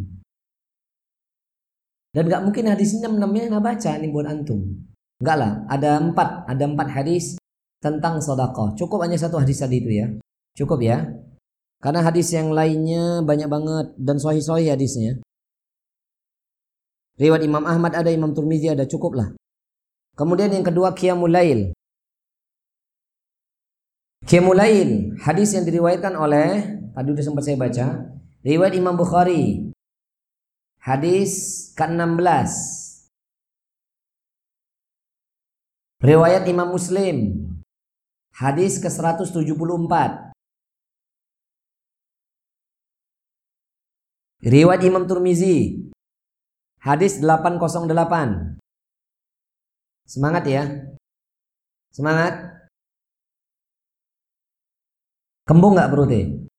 Mana kembung ini? Ayo semangat ada berapa gelas nih? Ya, hadis keberapa Turmizi tadi? Nah, gitu dong. Bukan 008 ya, Saras wi. Saya kelingan. Apa kata Rasulullah? Man qama Ramadhana imanan wa ihtisaban ghufir lahu ma taqaddama min dhanbi. Barang siapa yang bangun di malam bulan Ramadan karena iman kepada Allah dan mengharapkan pahala di sisi Allah, maka akan diampuni dosa-dosanya telah yang telah yang lalu. Jamaah, antum perhatikan dalil ini. Apakah Rasul pernah menyebutnya sholat tarawih? Apakah sahabat pernah menyebutnya sholat tarawih? Siapa yang memberi nama sholat tarawih? Ulama fikih. Jadi zaman Rasul nggak ada sholat tarawih. Namanya Qiyamu Ramadan. Qiyamu Ramadan. Dan itu ada hadis yang disesuaikan oleh Imam Bukhari Muslim. Saya ambil dalam kitab Bulughul Maram. Dari Ummul Mukminin Aisyah radhiyallahu taala anha. Saya bacakan ini dalil. Biar kita tahu bagaimana sebenarnya hadis Rasulullah sallallahu alaihi wasallam. Nih. Sabar ya, sabar. Masih di sini kan semuanya? Yang tidur silakan lanjut. Subhanallah. Bentar ya. Sebentar, sebentar. Saya sebut dalilnya. Anak insya Allah hafal, insya Allah hafal. Cuman biar antum meyakinkan antum bahwasannya di sini ada hal-hal yang harus diketahui. Subhanallah, subhanallah, subhanallah. Karena Rasulullah sallallahu alaihi wasallam adalah Rasulullah sallallahu alaihi wasallam kata Ummul Mukminin Aisyah radhiyallahu anha. Hadis riwayatkan oleh Imam Bukhari wal Muslim adalah Rasulullah SAW tidak pernah Ya, laisa Rasulullah SAW tidak pernah mengerjakan solat malam. Ini Karena Rasulullah SAW yazidu fi Ramadan wala fi ghairi ala ida asyrata raka'atan. Maka Rasulullah sallallahu alaihi wasallam yazidu fi Ramadan wala fi ghairihi. Adalah Rasulullah SAW tidak pernah menambah di malam bulan Ramadan dan juga tidak pernah menambah di bulan yang lainnya selain 11 rakaat. Yusalli arba'an fala tas'alu an husnihinna wutu watulihinna. Rasulullah salat empat rakaat. Maka jangan ditanya betapa bagusnya dan betapa panjangnya salat beliau. Kemudian wasumma yusalli arba'an. Kemudian salat lagi empat rakaat. Sabar nanti akan saya ter ini ada terjemahnya, ada tafsirnya. Maka jangan ditanya an husnihinna watulihinna. Betapa bagusnya betapa panjangnya salat beliau. Summa yusalli salasan. Kemudian beliau salat tiga rakaat. Lah ikhwah. Dari hadis ini ada beberapa tafsir. Yang pertama, yang memberikan nama sholat tarawih itu bukan Rasulullah dan para sahabat, tapi ulama ahli fikih untuk memahami kita tentang sholat malam. Sehingga orang membedakan kaum muslimin hari ini antara sholat tarawih dengan tahajud. Betul apa tidak? Betul apa tidak? Kalau dia sudah sholat tarawih malamnya tahajud, betul enggak? Nah coba perhatikan hadis dari Ummul Muminin Aisyah ini. Mutafakun alaihi Bukhari Muslim dalam kitab Bulughul Maram. Kitab salaf dikaji di pondok-pondok salafiyah. Nahdiyin dibaca. Semoga diamalkan. Di Muhammadiyah mungkin dibaca. Bahkan ini diajar di Libya, bahkan di Masjid Masjid Nabawi. Bermadhab Syafi'i ini dibahas ini kitab Bulughul Maram ini. Tafsirnya banyak, terutama An dalam kitab Subulus Salam. Yang dikatakan di sini adalah Rasul tidak pernah menambah sholat di bulan Ramadan dan juga tidak di bulan yang lainnya. Berarti jamaah, kalau Rasulullah di bulan yang lain disebut Qiyamul Lail. Qiyamul itu isinya apa? Apa? Hajat, taubat, tasbih, syukur tahajud ngono. Enggak akhi. Rasulullah itu kalau qiyamul hanya dua salat, tahajud dan witir. Pernah Rasulullah witir sampai lima rakaat. Pernah tujuh rakaat. Dua kali salam. Pernah tujuh rakaat, satu kali salam. Dan pernah Rasulullah witir itu dalam beribadah yang sembilan rakaat. Tapi Rasulullah umumnya witirnya tiga rakaat. Faham ini ya? Dan sholatnya hanya tahajud dan witir. Faham? Berarti kalau itu bulan Ramadan, Rasulullah tidak langsung sholat sebenarnya kalau melihat hukum hadis, hukumnya hadis ini. Rasulullah tuh habis sholat isya tidur.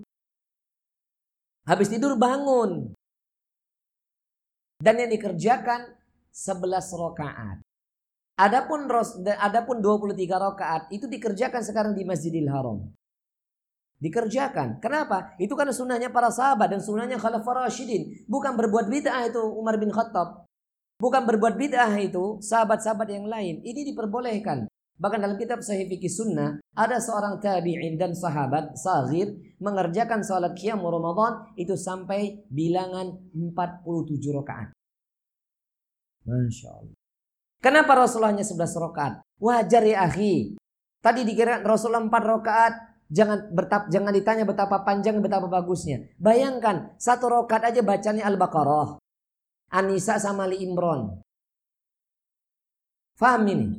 Tidur hanya setengah jam, satu jam bangun sholat. Lah kita, imamnya Solahuddin, baru baca satu muka. Gemeter, suwimen Solahuddin. Gitu. Nah, iya toh? Apalagi kena anna yatasaalun. Wis melak lama iki wis. Iki. Wassama'i dzatil buruj. Wis suwi iki wis tenan iki. Macanya suwi sisan. Wis paling gak disukai lah. Padahal baru satu muka. Makanya kul huwaile. Lah kuwi mantap tuh. Ya, kul huwaile. Lo kuwi paling favorit itu. Insya Allah rame masjidnya. Maka ikhwan, Anda mau sampaikan sama antum.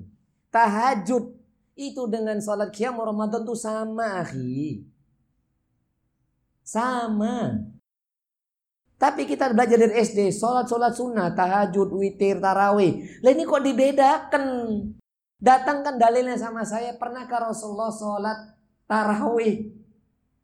Atau tahajud itu dipindahkan? Mana ada? Ulama saya ngajari lah kalau Rasulullah nggak mengerjakan, boleh nggak kita mengerjakan apa yang dikatakan ulama? Loh, pengarang kita bulugul marom loh nih akhi. Siapa yang meragukan Al-Imam Al-Hafidh Ibnu Hajar Asqalani? Mana ada dia sebut sholat sunnah tarawih? Coba jajal. Jadi kalau kita sudah sholat sunnah tarawih itu namanya qiyamu Ramadan. Khalas. Tidak ada lagi tahajud nanti mal, tengah malam bangun. Ustaz kalau mengerjakan apa? Sholat sunnah mutlak, Salah sunnah mutlak ini tanpa batasan rokaat. Tanpa kenal waktu. Antum mau 100 rokaat terserah. Kalau antum itu melakukan badal isya berarti qiyam Ramadan di awal waktu. Faham ini? Faham? Faham kah? Tak selesaikan ya. Sampai sini paham ya? Nanti pertanyaan. Yang ketiga, tilawatil Quran. Dalam hadis yang diriwayatkan oleh Imam Bukhari. Hadis kelima. Riwayat Imam Bukhari hadis kelima. Bunyi dalilnya Idza kana sallallahu alaihi wasallam yuktharu min tilawatil Qur'anil Karim fi Ramadan wa kana Jibril alaihi salatu wasallam yudarisuhul Qur'anu fi Ramadan. Apabila Rasulullah SAW datang bulan Ramadan, beliau memperbanyak membaca Al-Quranul Karim. Dan adalah Jibril selalu datang kepada Rasulullah di bulan Ramadan mengajari Al-Quran. Berarti ini dalil amal-amal di bulan Ramadan banyak membaca Al-Quran. Ustadz kalau saya belum lancar gimana? Baca tuh jilid satu. Aa, baba, tata, tati, tatu. Nggak apa-apa. Baca. Daripada waclap. Baca itu. Jilid tiga kataba, dahaba, qatala. Baca nggak apa-apa. Nggak apa-apa, dibaca. Mampunya itu dibaca daripada nganggur. Nggak masalah. Makanya akhi, kalau bisa sebelum Ramadan, terkejar target baca Quran itu harus selesai. Harus bisa dong. Malu bertahun-tahun. Usah saya udah baca baca Latinnya. Ya sudah apa wis. Aduh, malu Latinnya. Udah baca tuh jilid. Ya, baca nggak apa-apa. Minimal Bismillahirrahmanirrahim. 19 huruf, ya, lumayan. Dapat pahala 19. Ya. Bismillah, bismillah, bismillah. Ustaz, saya khatam setiap hari Ustaz. Kulhu tiga kali Ustaz. Itu hadis do'if. Al-ikhlas sepertiga Al-Quran itu hadis do'if. Jangan diamalkan. Ya, paham nih. Yang keempat kita percepat i'tikaf. I'tikaf. Ini dalilnya riwayat Imam Tabrani dalam kitab Al-Mu'jam. Imam Tabrani dalam kitab Al-Mu'jam hadis ke-313 tentang i'tikaf di bulan Ramadan. Taib, nggak usah saya baca dalilnya. Nomor dalil kita kejar ini waktu. Yang kelima, umrah Nah. Hadis yang diriwayatkan oleh Imam Abu Dawud. Hadis ke nomor 79. Setelah ini selesai kok. Sesi tanya jawab nggak ada kayaknya. Riwayat Imam Turmizi. Nomor hadis 939. Riwayat Imam Ahmad. Hadis 308. Terakhir, riwayat Imam Ibnu Majah. Saya ulangin ya. Imam Abu Dawud 79, Imam Turmizi 939, Imam Ahmad 308, Imam Ibnu Majah 2995 dan 2991, 2991 dan 2995. Ini nomor hadis. Apa bunyi hadisnya? Umratun fi Ramadhan ta'addalu hajjatun hajjatan ma'i umrah di bulan Ramadan senilai haji dan umrah bersama diriku. Insya Allah. Maka kita mohon sama Allah bisa umrah di bulan Ramadan. Amin. Etikaf di sana. Nah, taib. Itu beberapa kebaikan yang bisa kita kerjakan. Sekarang kita masuk kepada apa? Hukum-hukum berkenan puasa. Maddatul khamisa. Materi yang kelima. Dalilnya banyak akhia. Musafir bisa dibaca di situ. Yang kedua orang yang sakit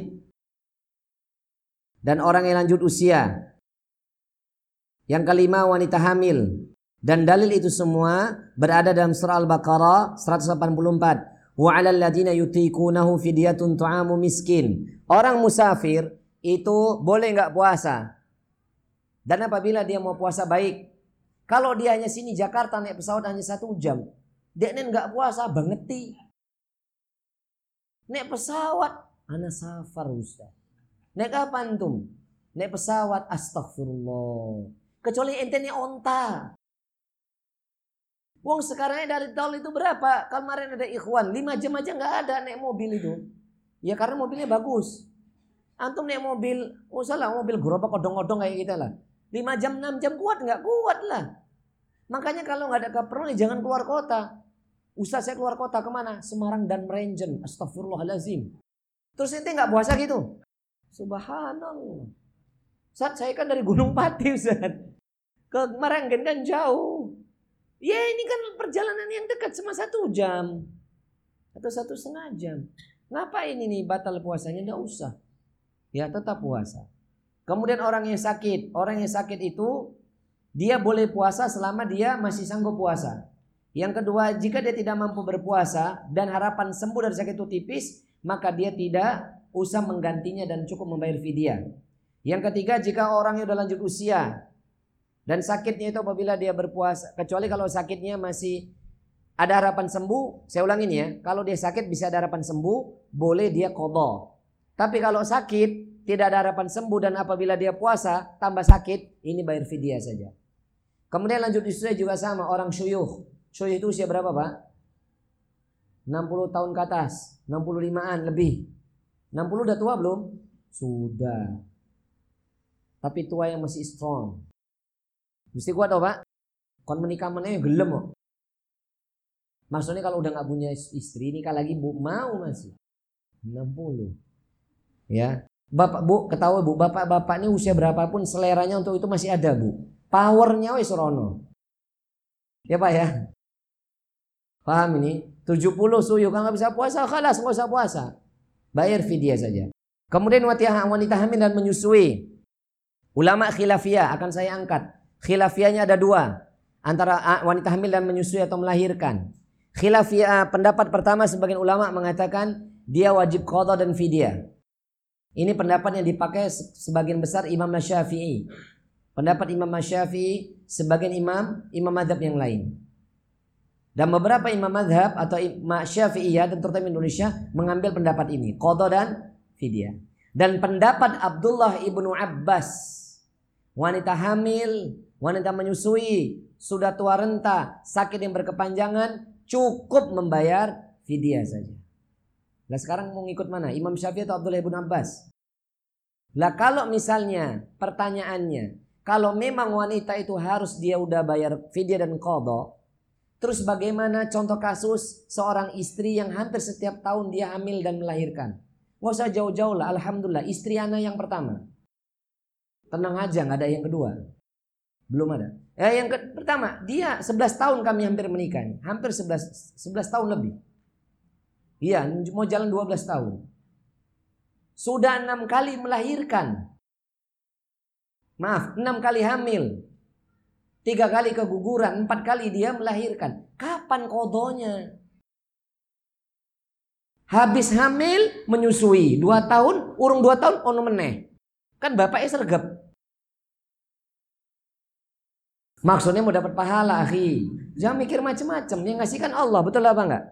Allah yang ngasih, Allah yang ngambil, silahkan. Anak ngasih contoh ini biar antum paham. Kalau memang seorang wanita itu harus kodok dan video, kapan dia bayar kodoknya?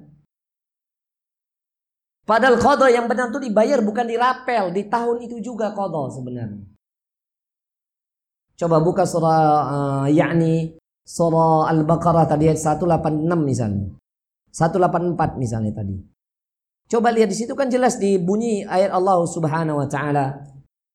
Faman uh, ayat 184 185 juga sama. Faman faman kana minkum maridun aw ala safarin fa'iddatun min ayyamin ukhar. Diganti dari yang lain bagi orang yang safar atau orang yang sakit. Lah kalau dia diqadha kapan dia qadanya? Karena qadha yang benar adalah di tahun ini. Misalnya Ramadan tahun lalu maka batasan limitnya Syakban ini. Tapi sebagian Syafi'iyah boleh dirapal dengan menggunakan kode-kode yang lainnya di waktu yang lain. Betul apa enggak?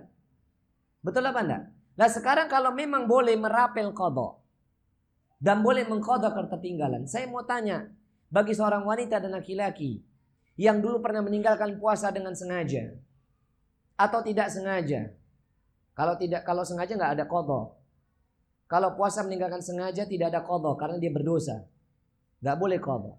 Dosa besar. Tapi kalau dia sakit dan lupa dia mengkodoknya. Lupa berapa harinya. Apakah dia ini diwajibkan membayar lagi? Sedangkan dia lupa. Kalau seandainya kodok ini wajib, dia harus merapel semua ketertinggalan dia yang tidak sengaja dalam puasa. Maka pendapat yang paling kuat dalam masalah ibu menyusui dan melahirkan adalah cukup fidyah saja. Dalilnya mana Ustaz? Buka surat Toha. Ma anzalna alaikal qur'ana litashqa. Tidaklah kami turunkan Quran ini kepada kamu Muhammad agar kamu merasa sulit. Dalam hadis Sahih Bukhari Muslim, Inna dina yusrun. Sesungguhnya agama ini mudah. Khalas. Ketika Abdullah ibn Abbas mengatakan fidyah, fidyah saja. Dan ibu-ibu jangan memaksakan diri untuk membayar qadha, membayar fidyah dan qadha. Tapi kalau ibu memaksa, tafaddal mashkura. Saya nggak mau melarang. Silakan. Yang nggak benar nggak kodo nggak fidyah. Dosa besar itu. Faham? Kemudian materi keenam. Lewatin sunnah-sunnah puasa. Kita baca perkara-perkara yang makruh dalam puasa. Berlebih-lebihan dalam berkumur-kumur. Lah ini makruh maknanya apa? Dibenci. Bisa mengurangi pahala. Ya. Mencium istri jika menimbulkan syahwat. Hati-hatian tuh. Puasa boleh nggak ciuman boleh, tapi jangan di tempat sensitif. Apalagi lagi puasa. Nah boleh akhi. Cium aja kening, ujuk cium yang bagi bagian pipi apa bibir, jangan bahaya itu. Puasa-puasa ciuman. Mereka syahwat nggak boleh. Terus menerus melihat istri dengan syahwat. Mending usah ngomah mas. Dulu ibu nih nyerawang, kosong kok mikir ibu nih. Masya Allah dek kamu dek lah. Wassalam. Istri juga nggak boleh mendangi bojoku, waduh. Bukan pak, semakin gagah perkasa nggak boleh. Memikirkan seks nggak boleh. Menyentuh wanita dengan tangan dan sengaja membangkitkan syahwat nggak boleh. Mengunyah sesuatu, nggak gue. Apa misalnya puasa lagi ngaji ballpoint digigit-gigit, kurang kerjaan tak ganti permen karet gelem mas? Jangan mengunyah-ngunyah. Mencicipi makanan ini boleh batal tapi makruh dan ini bahaya mencicipi makanan dan sebaiknya dihindari mencicipi makanan. Eh, kurang manis, nambah manis. Ih, kurang manis, tambah meneh. Lama-lama satu sendok, akhi. Ya Bu ya, jangan. Tidak sebaiknya ketika bulan Ramadan ibu-ibu masaklah resepnya hanya dua. Dengan insting dan cinta. Insya Allah ta'ala anyep pun diterima insya Allah. Kemudian berkumur-kumur bukan untuk wudhu. Kalau tadi berlebihan dalam berkumur saat wudhu, Yang ke-8 berkumur-kumur dalam berwudu itu di berkumur poin pertama berlebihan dalam berkumur itu poin pertama ya. Itu dalam wudu. Poin ke-8 berkumur bukan untuk wudu. Jadi apa-apa kumur-kumur, apa kumur-kumur. Kumur-kumurnya pakai Sprite sih San. Atau es teh manis. Subhanallah. Kurang kerjaan ini orang. Kesembilan berbekam. Tidak membatalkan, tetapi ini madorotnya ada, bisa lemas ini. Ya. Kemudian yang ketujuh, maddatus uh, materi ketujuh ya, al maddatus sabi'ah ya, materi ketujuh. Masih kuat nggak? Apa ngantuknya masih kuat? Masih, orang ngantuk kayaknya.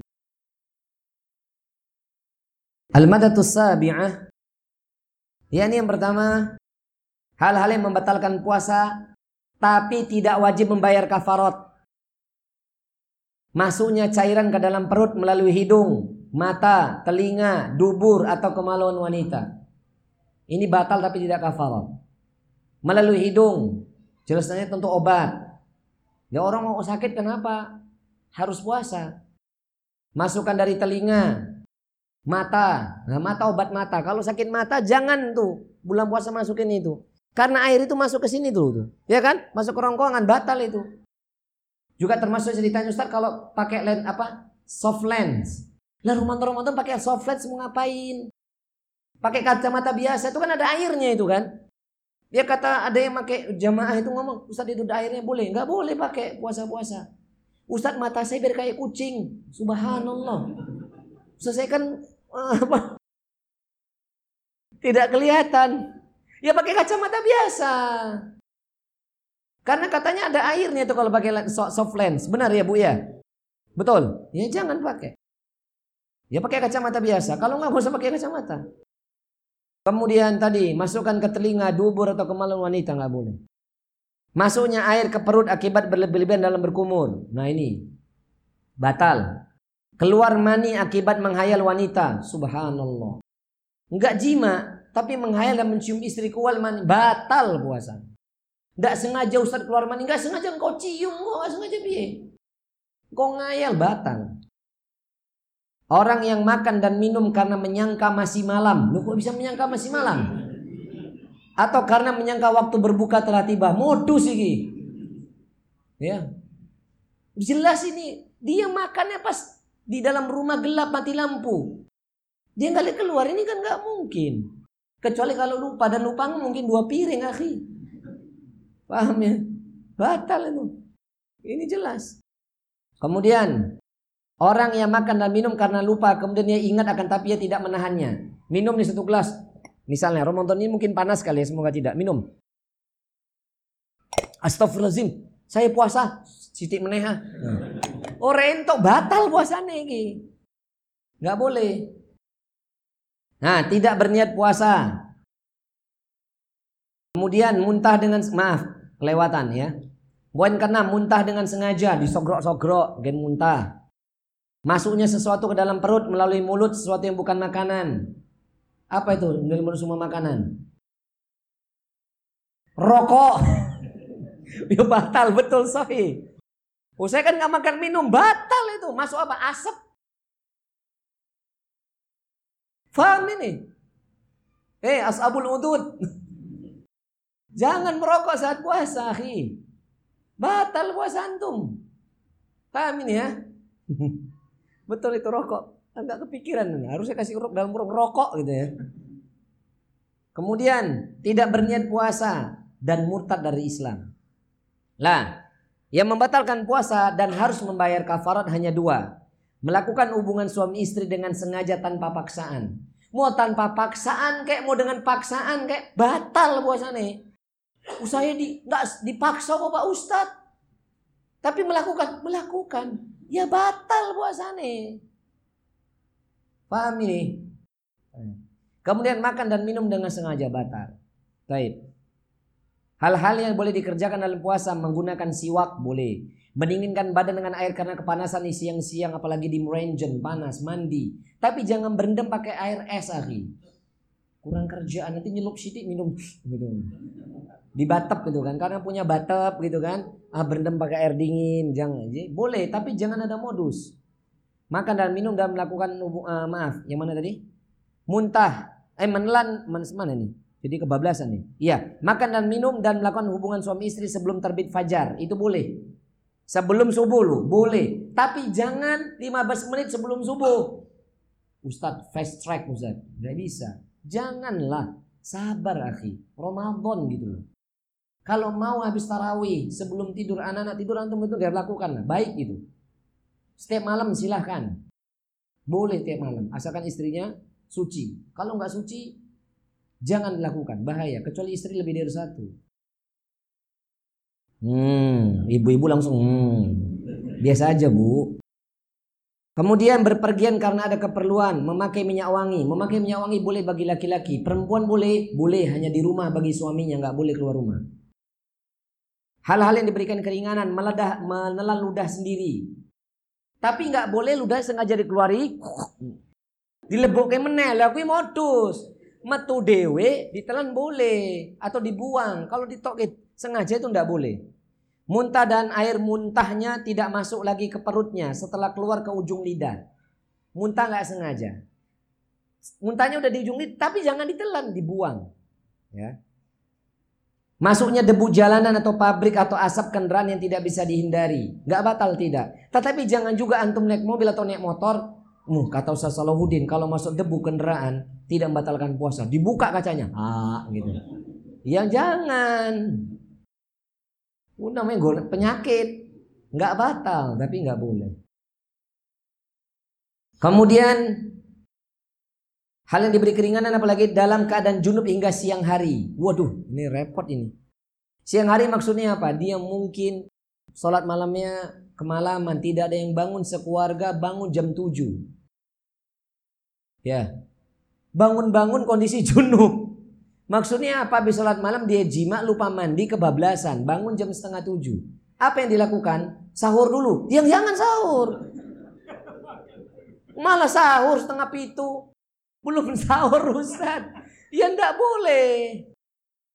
Artinya mandi junub. Habis sholat subuh. Makanya kalau sudah capek jangan paksa junub ya akhi sabar antum. Bojo saya minta ustadz suruh kasih isi. Dek sabar ya dek. Mas capek dek. Istri nggak boleh ngomong, Mas kau dilaknat sama malaikat hingga subuh. Ya dilaknat tuh kalau ibu yang menolak, bukan bapak yang menolak. Ustaz kok nggak adil? Berarti bapaknya yang kurang pengertian istri. Ya pak ya, pak ingat pak. Makanya jangan berani ngomong poligami. Kalau kekuatannya itu hanya separuh aja nggak ada pak. Mau poligami kekuatan aja separuh rono ngomong poligami. Dolim nanti antum, nggak boleh. Ya, Nikah dulu yang satu disempurnakan. Kalau nggak sempurna jangan menikah lagi. Udah sempurna pun kalau perlu ya. Kalau nggak berani dan ada ilmu, nggak ada ilmu jangan menikah. Nggak punya ilmu, dolim nanti. Kok ketawa banget. Paham ini? Ini masalah ilmu, nggak boleh bermain. Masalah poligami harus dengan ilmu. Setuju? Setuju ya bu? Jangan zalim, nggak boleh ya. Kasihan istri antum tuh. Tahu susahnya kita. Wes sugem belgedu datang yang kedua enak banget. Yang kedua biasanya paling enak itu. Terus yang ketiga, Ya. Jadi boleh mandi junub tadi siang hari langsung dia mandi sholat subuh lanjut puasa tanpa sahur. Ya, tanpa sahur. Kemudian apalagi bermimpi, makan dan minum karena lupa atau salah, enggak Bapak. Kafarot akhi, saya bahas kafarot, antum baca di situ dalilnya saya ucapkan dari hadis Sahih Bukhari, ada seorang sahabat di bulan Sya'ban, ini besoknya Ramadan dia mengatakan sama istrinya, "Istriku, aku bernazar setiap hari dan malam bulan Ramadan aku akan menjauhi dirimu. Ini ada dalam kitab Bulughul Maram. Aku tidak akan menjima dirimu. Qaddarallah. Di siang hari tersingkap pakaian istrinya. Kemudian dia akhirnya menjima istrinya di siang hari. Yang sahabat tadi ber, bernazar tadi. Makanya antum nggak boleh mengatakan, Dek, you and me Ramadan and. Nggak boleh. Gak boleh mengatakan kita Ramadan jangan dekat, gak boleh. Nanti kalau itu terjadi siang wassalaman tuh. Gak boleh ya.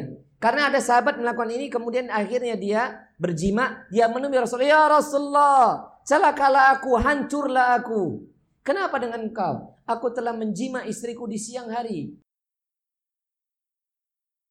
Ya sudah kalau gitu kau membebas satu hukumannya. Kau harus memerdekakan budak. Ya Rasulullah aku tak sanggup. Taib, kalau nggak sanggup berpuasa dua bulan berturut-turut. Ya Rasulullah satu bulan aja nggak mampu. Faham? Ini dua bulan mau bagaimana? Faham ini ya? Faham ya? Kemudian ya, ya coba bayangkan dua satu bulan aja nggak sanggup lihat buju nih. Makanya kalau antum maaf ya ikhwan kalau antum punya birahi yang besar, Ramadan jangan bersama istri di kamar siang-siang. Bahaya itu, apalagi pengantin anyar. Anda juga masih baru, baru hampir 12 tahun, baru kan? Baru. Ya. Maka ikhwan, kemudian Rasul mengatakan, "Taib, kamu kasih makan orang fakir miskin selama, sebanyak 60 orang." Kasih makan fakir miskin 60 orang. Apa kata sahabat ini? Ya Rasulullah, apakah kau melihat ada orang yang lebih miskin daripadaku? Aku dengan Masjid Nabawi sampai ke kampungku, aku orang paling miskin. Rasul sampai tertawa jemaah. Suruh puasa dua bulan, satu bulan aja nggak mampu. Suruh berpuak dia bayar fit apanya kafaratnya dia nggak mampu. Rasulullah SAW saking cintanya sama sahabat pulang ke rumah jamaah bawa makanan dia kasih nih sama sahabat. Wahai sahabatku, kasih buat anak istrimu makan. Akhirnya dia dibebaskan dari kafarat. Famin. Berarti kafarat ada tiga. Membebaskan budak, puasa dua bulan berturut-turut. Dan yang ketiga apa? Memberi makan 60 orang fakir miskin. Nah, selanjutnya antum baca sendiri uh, materi ini. Nah, mungkin ini dulu yang bisa kami sampaikan. Anak kasih tanya jawab 15 menit aja ya. Baik, silakan. Kriteria pelaku riba. Maksudnya gimana? Kriteria pelaku riba satu, meminjam minta kembalian. Riba itu secara umum mengambil kemanfaatan dari yang dia pinjam itu riba. Mengambil kemanfaatan dari yang pinj yang dari yang dia pinjam riba. Contoh, pinjam satu juta kembali satu juta satu rupiah. Yang satu rupiah itu akan menjadi riba semuanya. Contoh lagi, kakak dan adik. Adiknya minta tolong, kak tolong belikan, saya pinjam duit kamu ya, ini duit saya masih di bank, belum saya ambil. Tolong ya kak, saya mau beli motor Nemax. Tahu Nemax? Nmax. Tolong ya kak, nanti insya Allah minggu depan saya ambil motornya. Eh, motornya di, dibeli kakaknya terus dipakai. Ini riba namanya. Gak boleh. Barang yang dia pinjamkan nggak boleh dia pakai. Itu riba namanya. Paham ini? Atau dalam bahasa peminjaman, setiap ada kelebihan satu rupiah dari peminjaman namanya riba. Kalau ada imam sholat yang menjadi pelaku riba, apakah kita sah jadi makmum? Ya nggak masalah. Nggak ada. Selama bacaan Al-Qur'annya bagus, hafalannya banyak, ngerti hukum sholat, dia punya syarat untuk menjadi imam, sah. Nggak masalah. Oh dia malah direkturnya bank konven. Wassalam deh ini. Ya gimana? Ya dia tidak selama dia tidak kafir, tidak syirik nggak apa-apa. Nggak masalah. Tapi memang kurang serk akhirnya ya kan? Bolehkah sahur pada saat adzan subuh sudah berkumandang karena bang baru ter... Lah kalau sudah adzan ya jangan sahur lah. Kecuali kalau lagi makan tinggal sedikit adzan teruskan, tapi teruskannya yang ada di tangan. Bukan tanduk nanggung ah. Lau eh meneh nih. Oh yang ngono di piring sisanya dintekke. Nih di piring sisanya nasi nasi to ojo ditambah meneh. Tempe nih siti harus nanggung. Minumnya tinggal siti nanggung. Lah ini ndak boleh. Ndak sah puasanya. Itu ya. Nih biasanya tulisannya ibu-ibu nih. Bagus. Tapi ini curhat kayaknya. Assalamualaikum warahmatullahi wabarakatuh. Waalaikumsalam warahmatullahi Afan Ustadz Anda ingin bertanya. Allah ibu Ana sedang sakit dan rutin kontrol ke dokter dua pekan sekali. Karena ini sudah mendekati bulan Ramadan, dokter berpesan kepada ibu saya agar tidak usah ikut berpuasa dahulu, tetapi bayar fidyah saja. Apakah seperti ini diperbolehkan Ustadz? Boleh. Ibu usianya berapa? Yang bertanya, ibu usianya berapa? Gak ada yang mau ngaku ini. Gak ana jawab kalau gitu. Ibu usianya berapa? Yang bertanya udah pulang. Malu ya wis. Pokoknya kalau secara kesehatan dia tidak baik untuk untuk melanjutkan puasa, maka dia cukup bayar fidyah. Karena dokter tahu nih kalau puasa malah nggak bagus. Contoh tadi ada ikhwan yang bertanya, keluarganya ada yang harus cuci darah setiap tiga hari sekali. Orang cuci darah itu pasti kondisinya lemah, maka dia apalagi usia 60-an, nggak nggak nggak diperkenankan lagi. Maksudnya sudah diperbolehkan dia tidak berpuasa dan hanya bayar fidyah saja dan tidak ada kotor bagi dirinya. Nah, ini sama tulisannya. Assalamualaikum warahmatullahi wabarakatuh. Ustadz anda ingin membayar hutang puasa Ramadan pada beberapa tahun yang lalu. Gak bisa. Beberapa tahun yang lalu, pendapat yang paling kuat adalah tahun ini. Tapi ada pendapat yang boleh merapel. Namun qadar Allah, anak lupa berapa hari puasa yang telah anak tinggalkan. Ya kan lupa. Tapi makan dengan apa tadi? Ingat gak? Bagaimana cara Anda membayar hutang puasa jika Anda sendiri lupa jumlah hari yang Anda tinggalkan? Apakah wajib untuk memberi makan orang miskin? Kalau lupa, Khodoh saja tidak ada. Apalagi bayar fidyah yang jumlahnya jumlah hari nggak ada lah. Kalau jumlah hari nggak ingat bagaimana membayar fidyah? Karena fidyah itu juga termasuk jumlah harinya berapa. Maka bagaimana hukumnya? Hukum yang benar adalah beristighfar bertaubat kepada Allah taubatan nasuha karena Anda berada dalam dosa besar. Hutang puasa tersebut belum ada belum Anda bayar sampai bertemu Ramadan berikutnya. Semoga Allah Ta'ala mengampuni anak. Amin. Ya karena nggak tahu hukum diampuni. Waktu paling afdal untuk iktikaf jika kami juga bekerja dan hanya bisa menyempatkan malam hari sedangkan waktu sore. Waktu yang paling afdal ya 24 jam nggak keluar dari masjid. Itu iktikaf. Kalau nanti jam 12 ke masjid menemui masjid berarti itu istrikaf. Habis taraweh dia istrinya di dekat terus dulu, baru dia etikaf. Ini nggak boleh. Nah, afdal etikaf adalah di masjid 24 jam nggak boleh ke nggak boleh keluar kecuali udur syar'i ke kamar mandi dan seterusnya. Ustadz persiapan apa saja yang harus dilakukan menjelang Ramadan ini? Satu, bertaubatan nasuha dari dosa-dosa besar. Ya, watazawwadu fa inna khairazadi taqwa. Sebaik-baik bekal adalah takwa dan takwa yang dimaksud beristighfar dan bertobat dari dosa besar. Nah, ini masya Allah ini. Piye ki? Ada gambar smilingnya juga ini? Bagaimana cara menyikapi jika kita yang masih dalam tahap terus belajar ilmu tauhid, murni di kajian-kajian sunnah, Allah saya tidak tahu selama ini nomor WA saya dimasukin grup oleh seseorang teman yang sudah saya lupa. Lalu kebetulan kemarin saya ikut kajian tauhid, maksud share ajakin teman ke grup tapi kok tiba-tiba ada WA masuk ke nomor WA saya mengatakan jangan ikut kajian ini karena tidak sunnah.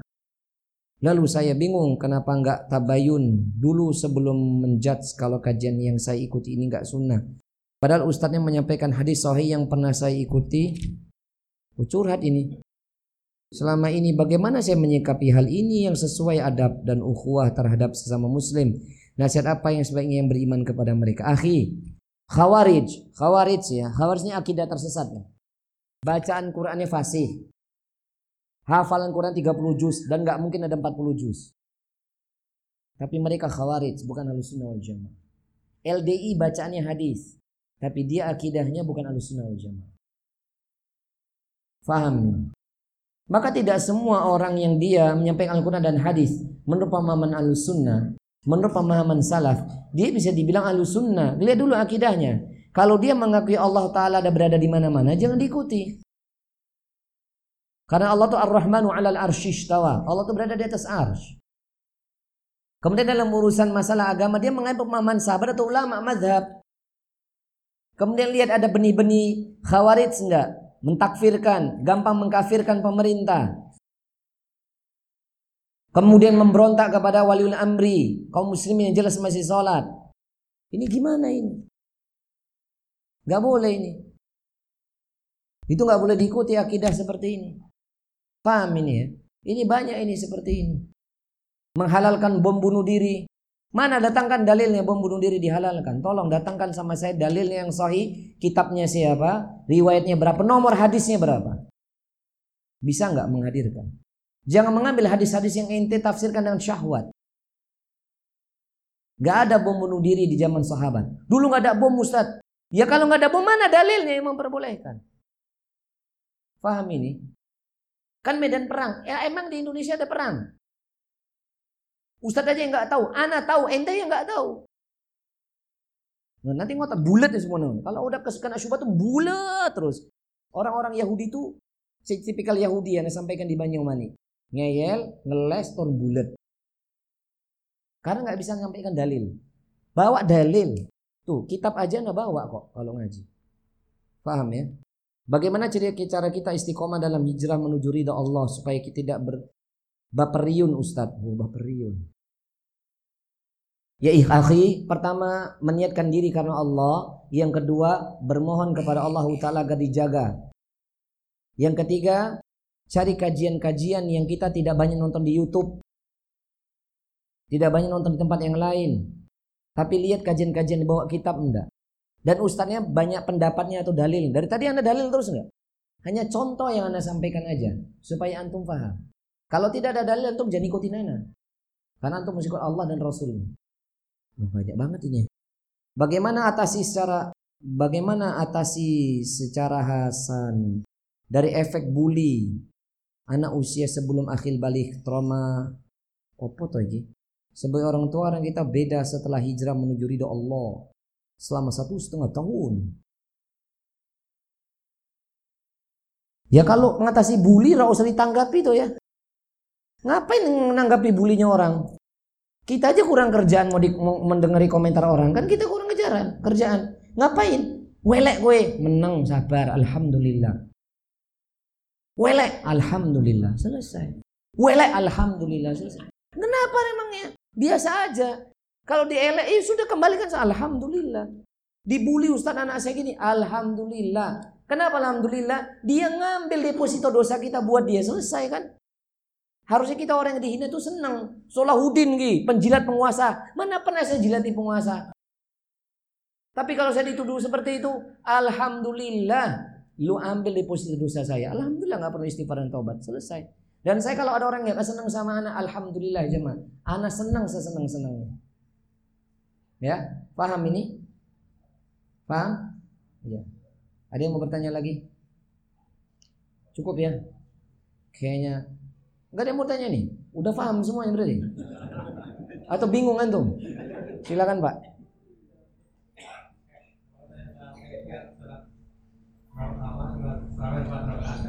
Oh iya, empat rokaat yang dimaksud hadis Ummu Aisyah itu bukan empat rokaat sekali salam, empat rokaat sekali salam sebenarnya. Ini ada ada ada ada khilafiyah di antara ulama. Sebagian teman-teman di Muhammadiyah mengartikan sholat tarawih itu 443. Oke okay lah, yang nggak benar itu 442. Karena itu formasinya Inggris. Ya. 443 ini sekali salam sekali salam. Betul lah, enggak? Tapi kalau kembali kepada usul fikih, as-salatu sunnah masna masna. Salat sunnah itu dua rakaat dua rakaat. Maka yang paling mendekati kepada amalia ya Rasul alaihi salatu wasalam dua rakaat satu kali salam, dua rakaat satu kali salam. Tapi kalau ada empat rakaat sekali salam boleh silahkan. Boleh karena ada perbedaan pendapat antara ulama dalam memahami masna masna ini. Tapi memang jelas Rasulullah SAW 4 rakaat jangan jangan tanya betapa bagusnya betapa panjangnya. Boleh boleh. Yang nggak boleh satu setengah rakaat kali salam, satu setengah rakaat satu kali salam. Nah di mana setengah rakaatnya? Gitu ya pak? Maka boleh dua-duanya. Ya. Nggak sholat juga nggak apa-apa, nggak apa-apa kok. Ya kan nggak sholat malam, tapi hilang kesempatannya. Nah, kalau kita sholat malam akhi, kalau qiyam Ramadan disebut orang hari ini tarawih. Siang, pagi sampai sorenya dihapus dosa kita setahun yang lalu. Kita malam qiyam Ramadan setahun yang lalu. Berarti 24 jam siangnya puasa, malamnya sholat. Dua tahun berturut-turut, dua tahun yang lalu dihapus dosa-dosanya. Itu yang gak disadari kaum muslimin. Siangnya puasa, malamnya sholat malam berarti dua tahun berturut-turut sebelumnya diampuni dosa-dosa kecil. Makanya jangan pernah tinggalkan sholat malam. Ya Pak ya, Bu ya. Selama bulan Ramadan. Nah, dan masalah tiga rakaat, satu witir, satu kali salam boleh, dua plus satu boleh. Iya nggak boleh ya Pak dua plus satu. Usoli sunatan witir rokaat ini mustaqim. Witir kok dua rakaat. Artinya dua tiga rakaat dua kali salam itu satu paket. Paham ini? Dulu kan ini kan, sallu sunatan witir ini rahimakumullah gitu toh. Ini ngerti bahasa Arab apa ora toh ini? Kok salat witir dua rakaat ini? Maksudnya tiga rakaat dua kali salam itu satu pak. Faham? Nah, ada lagi yang lain. Cukup. Subhanakallahumma wa bihamdika asyhadu an la ilaha illa anta astaghfiruka wa atubu ilaik. Saya sudahi. Kalau ada yang mau bertanya bisa ketik spasi di bawah ini atau WA di bawah ini. Insya Allah tidak ada. Demikian wal akhir. Wassalamualaikum warahmatullahi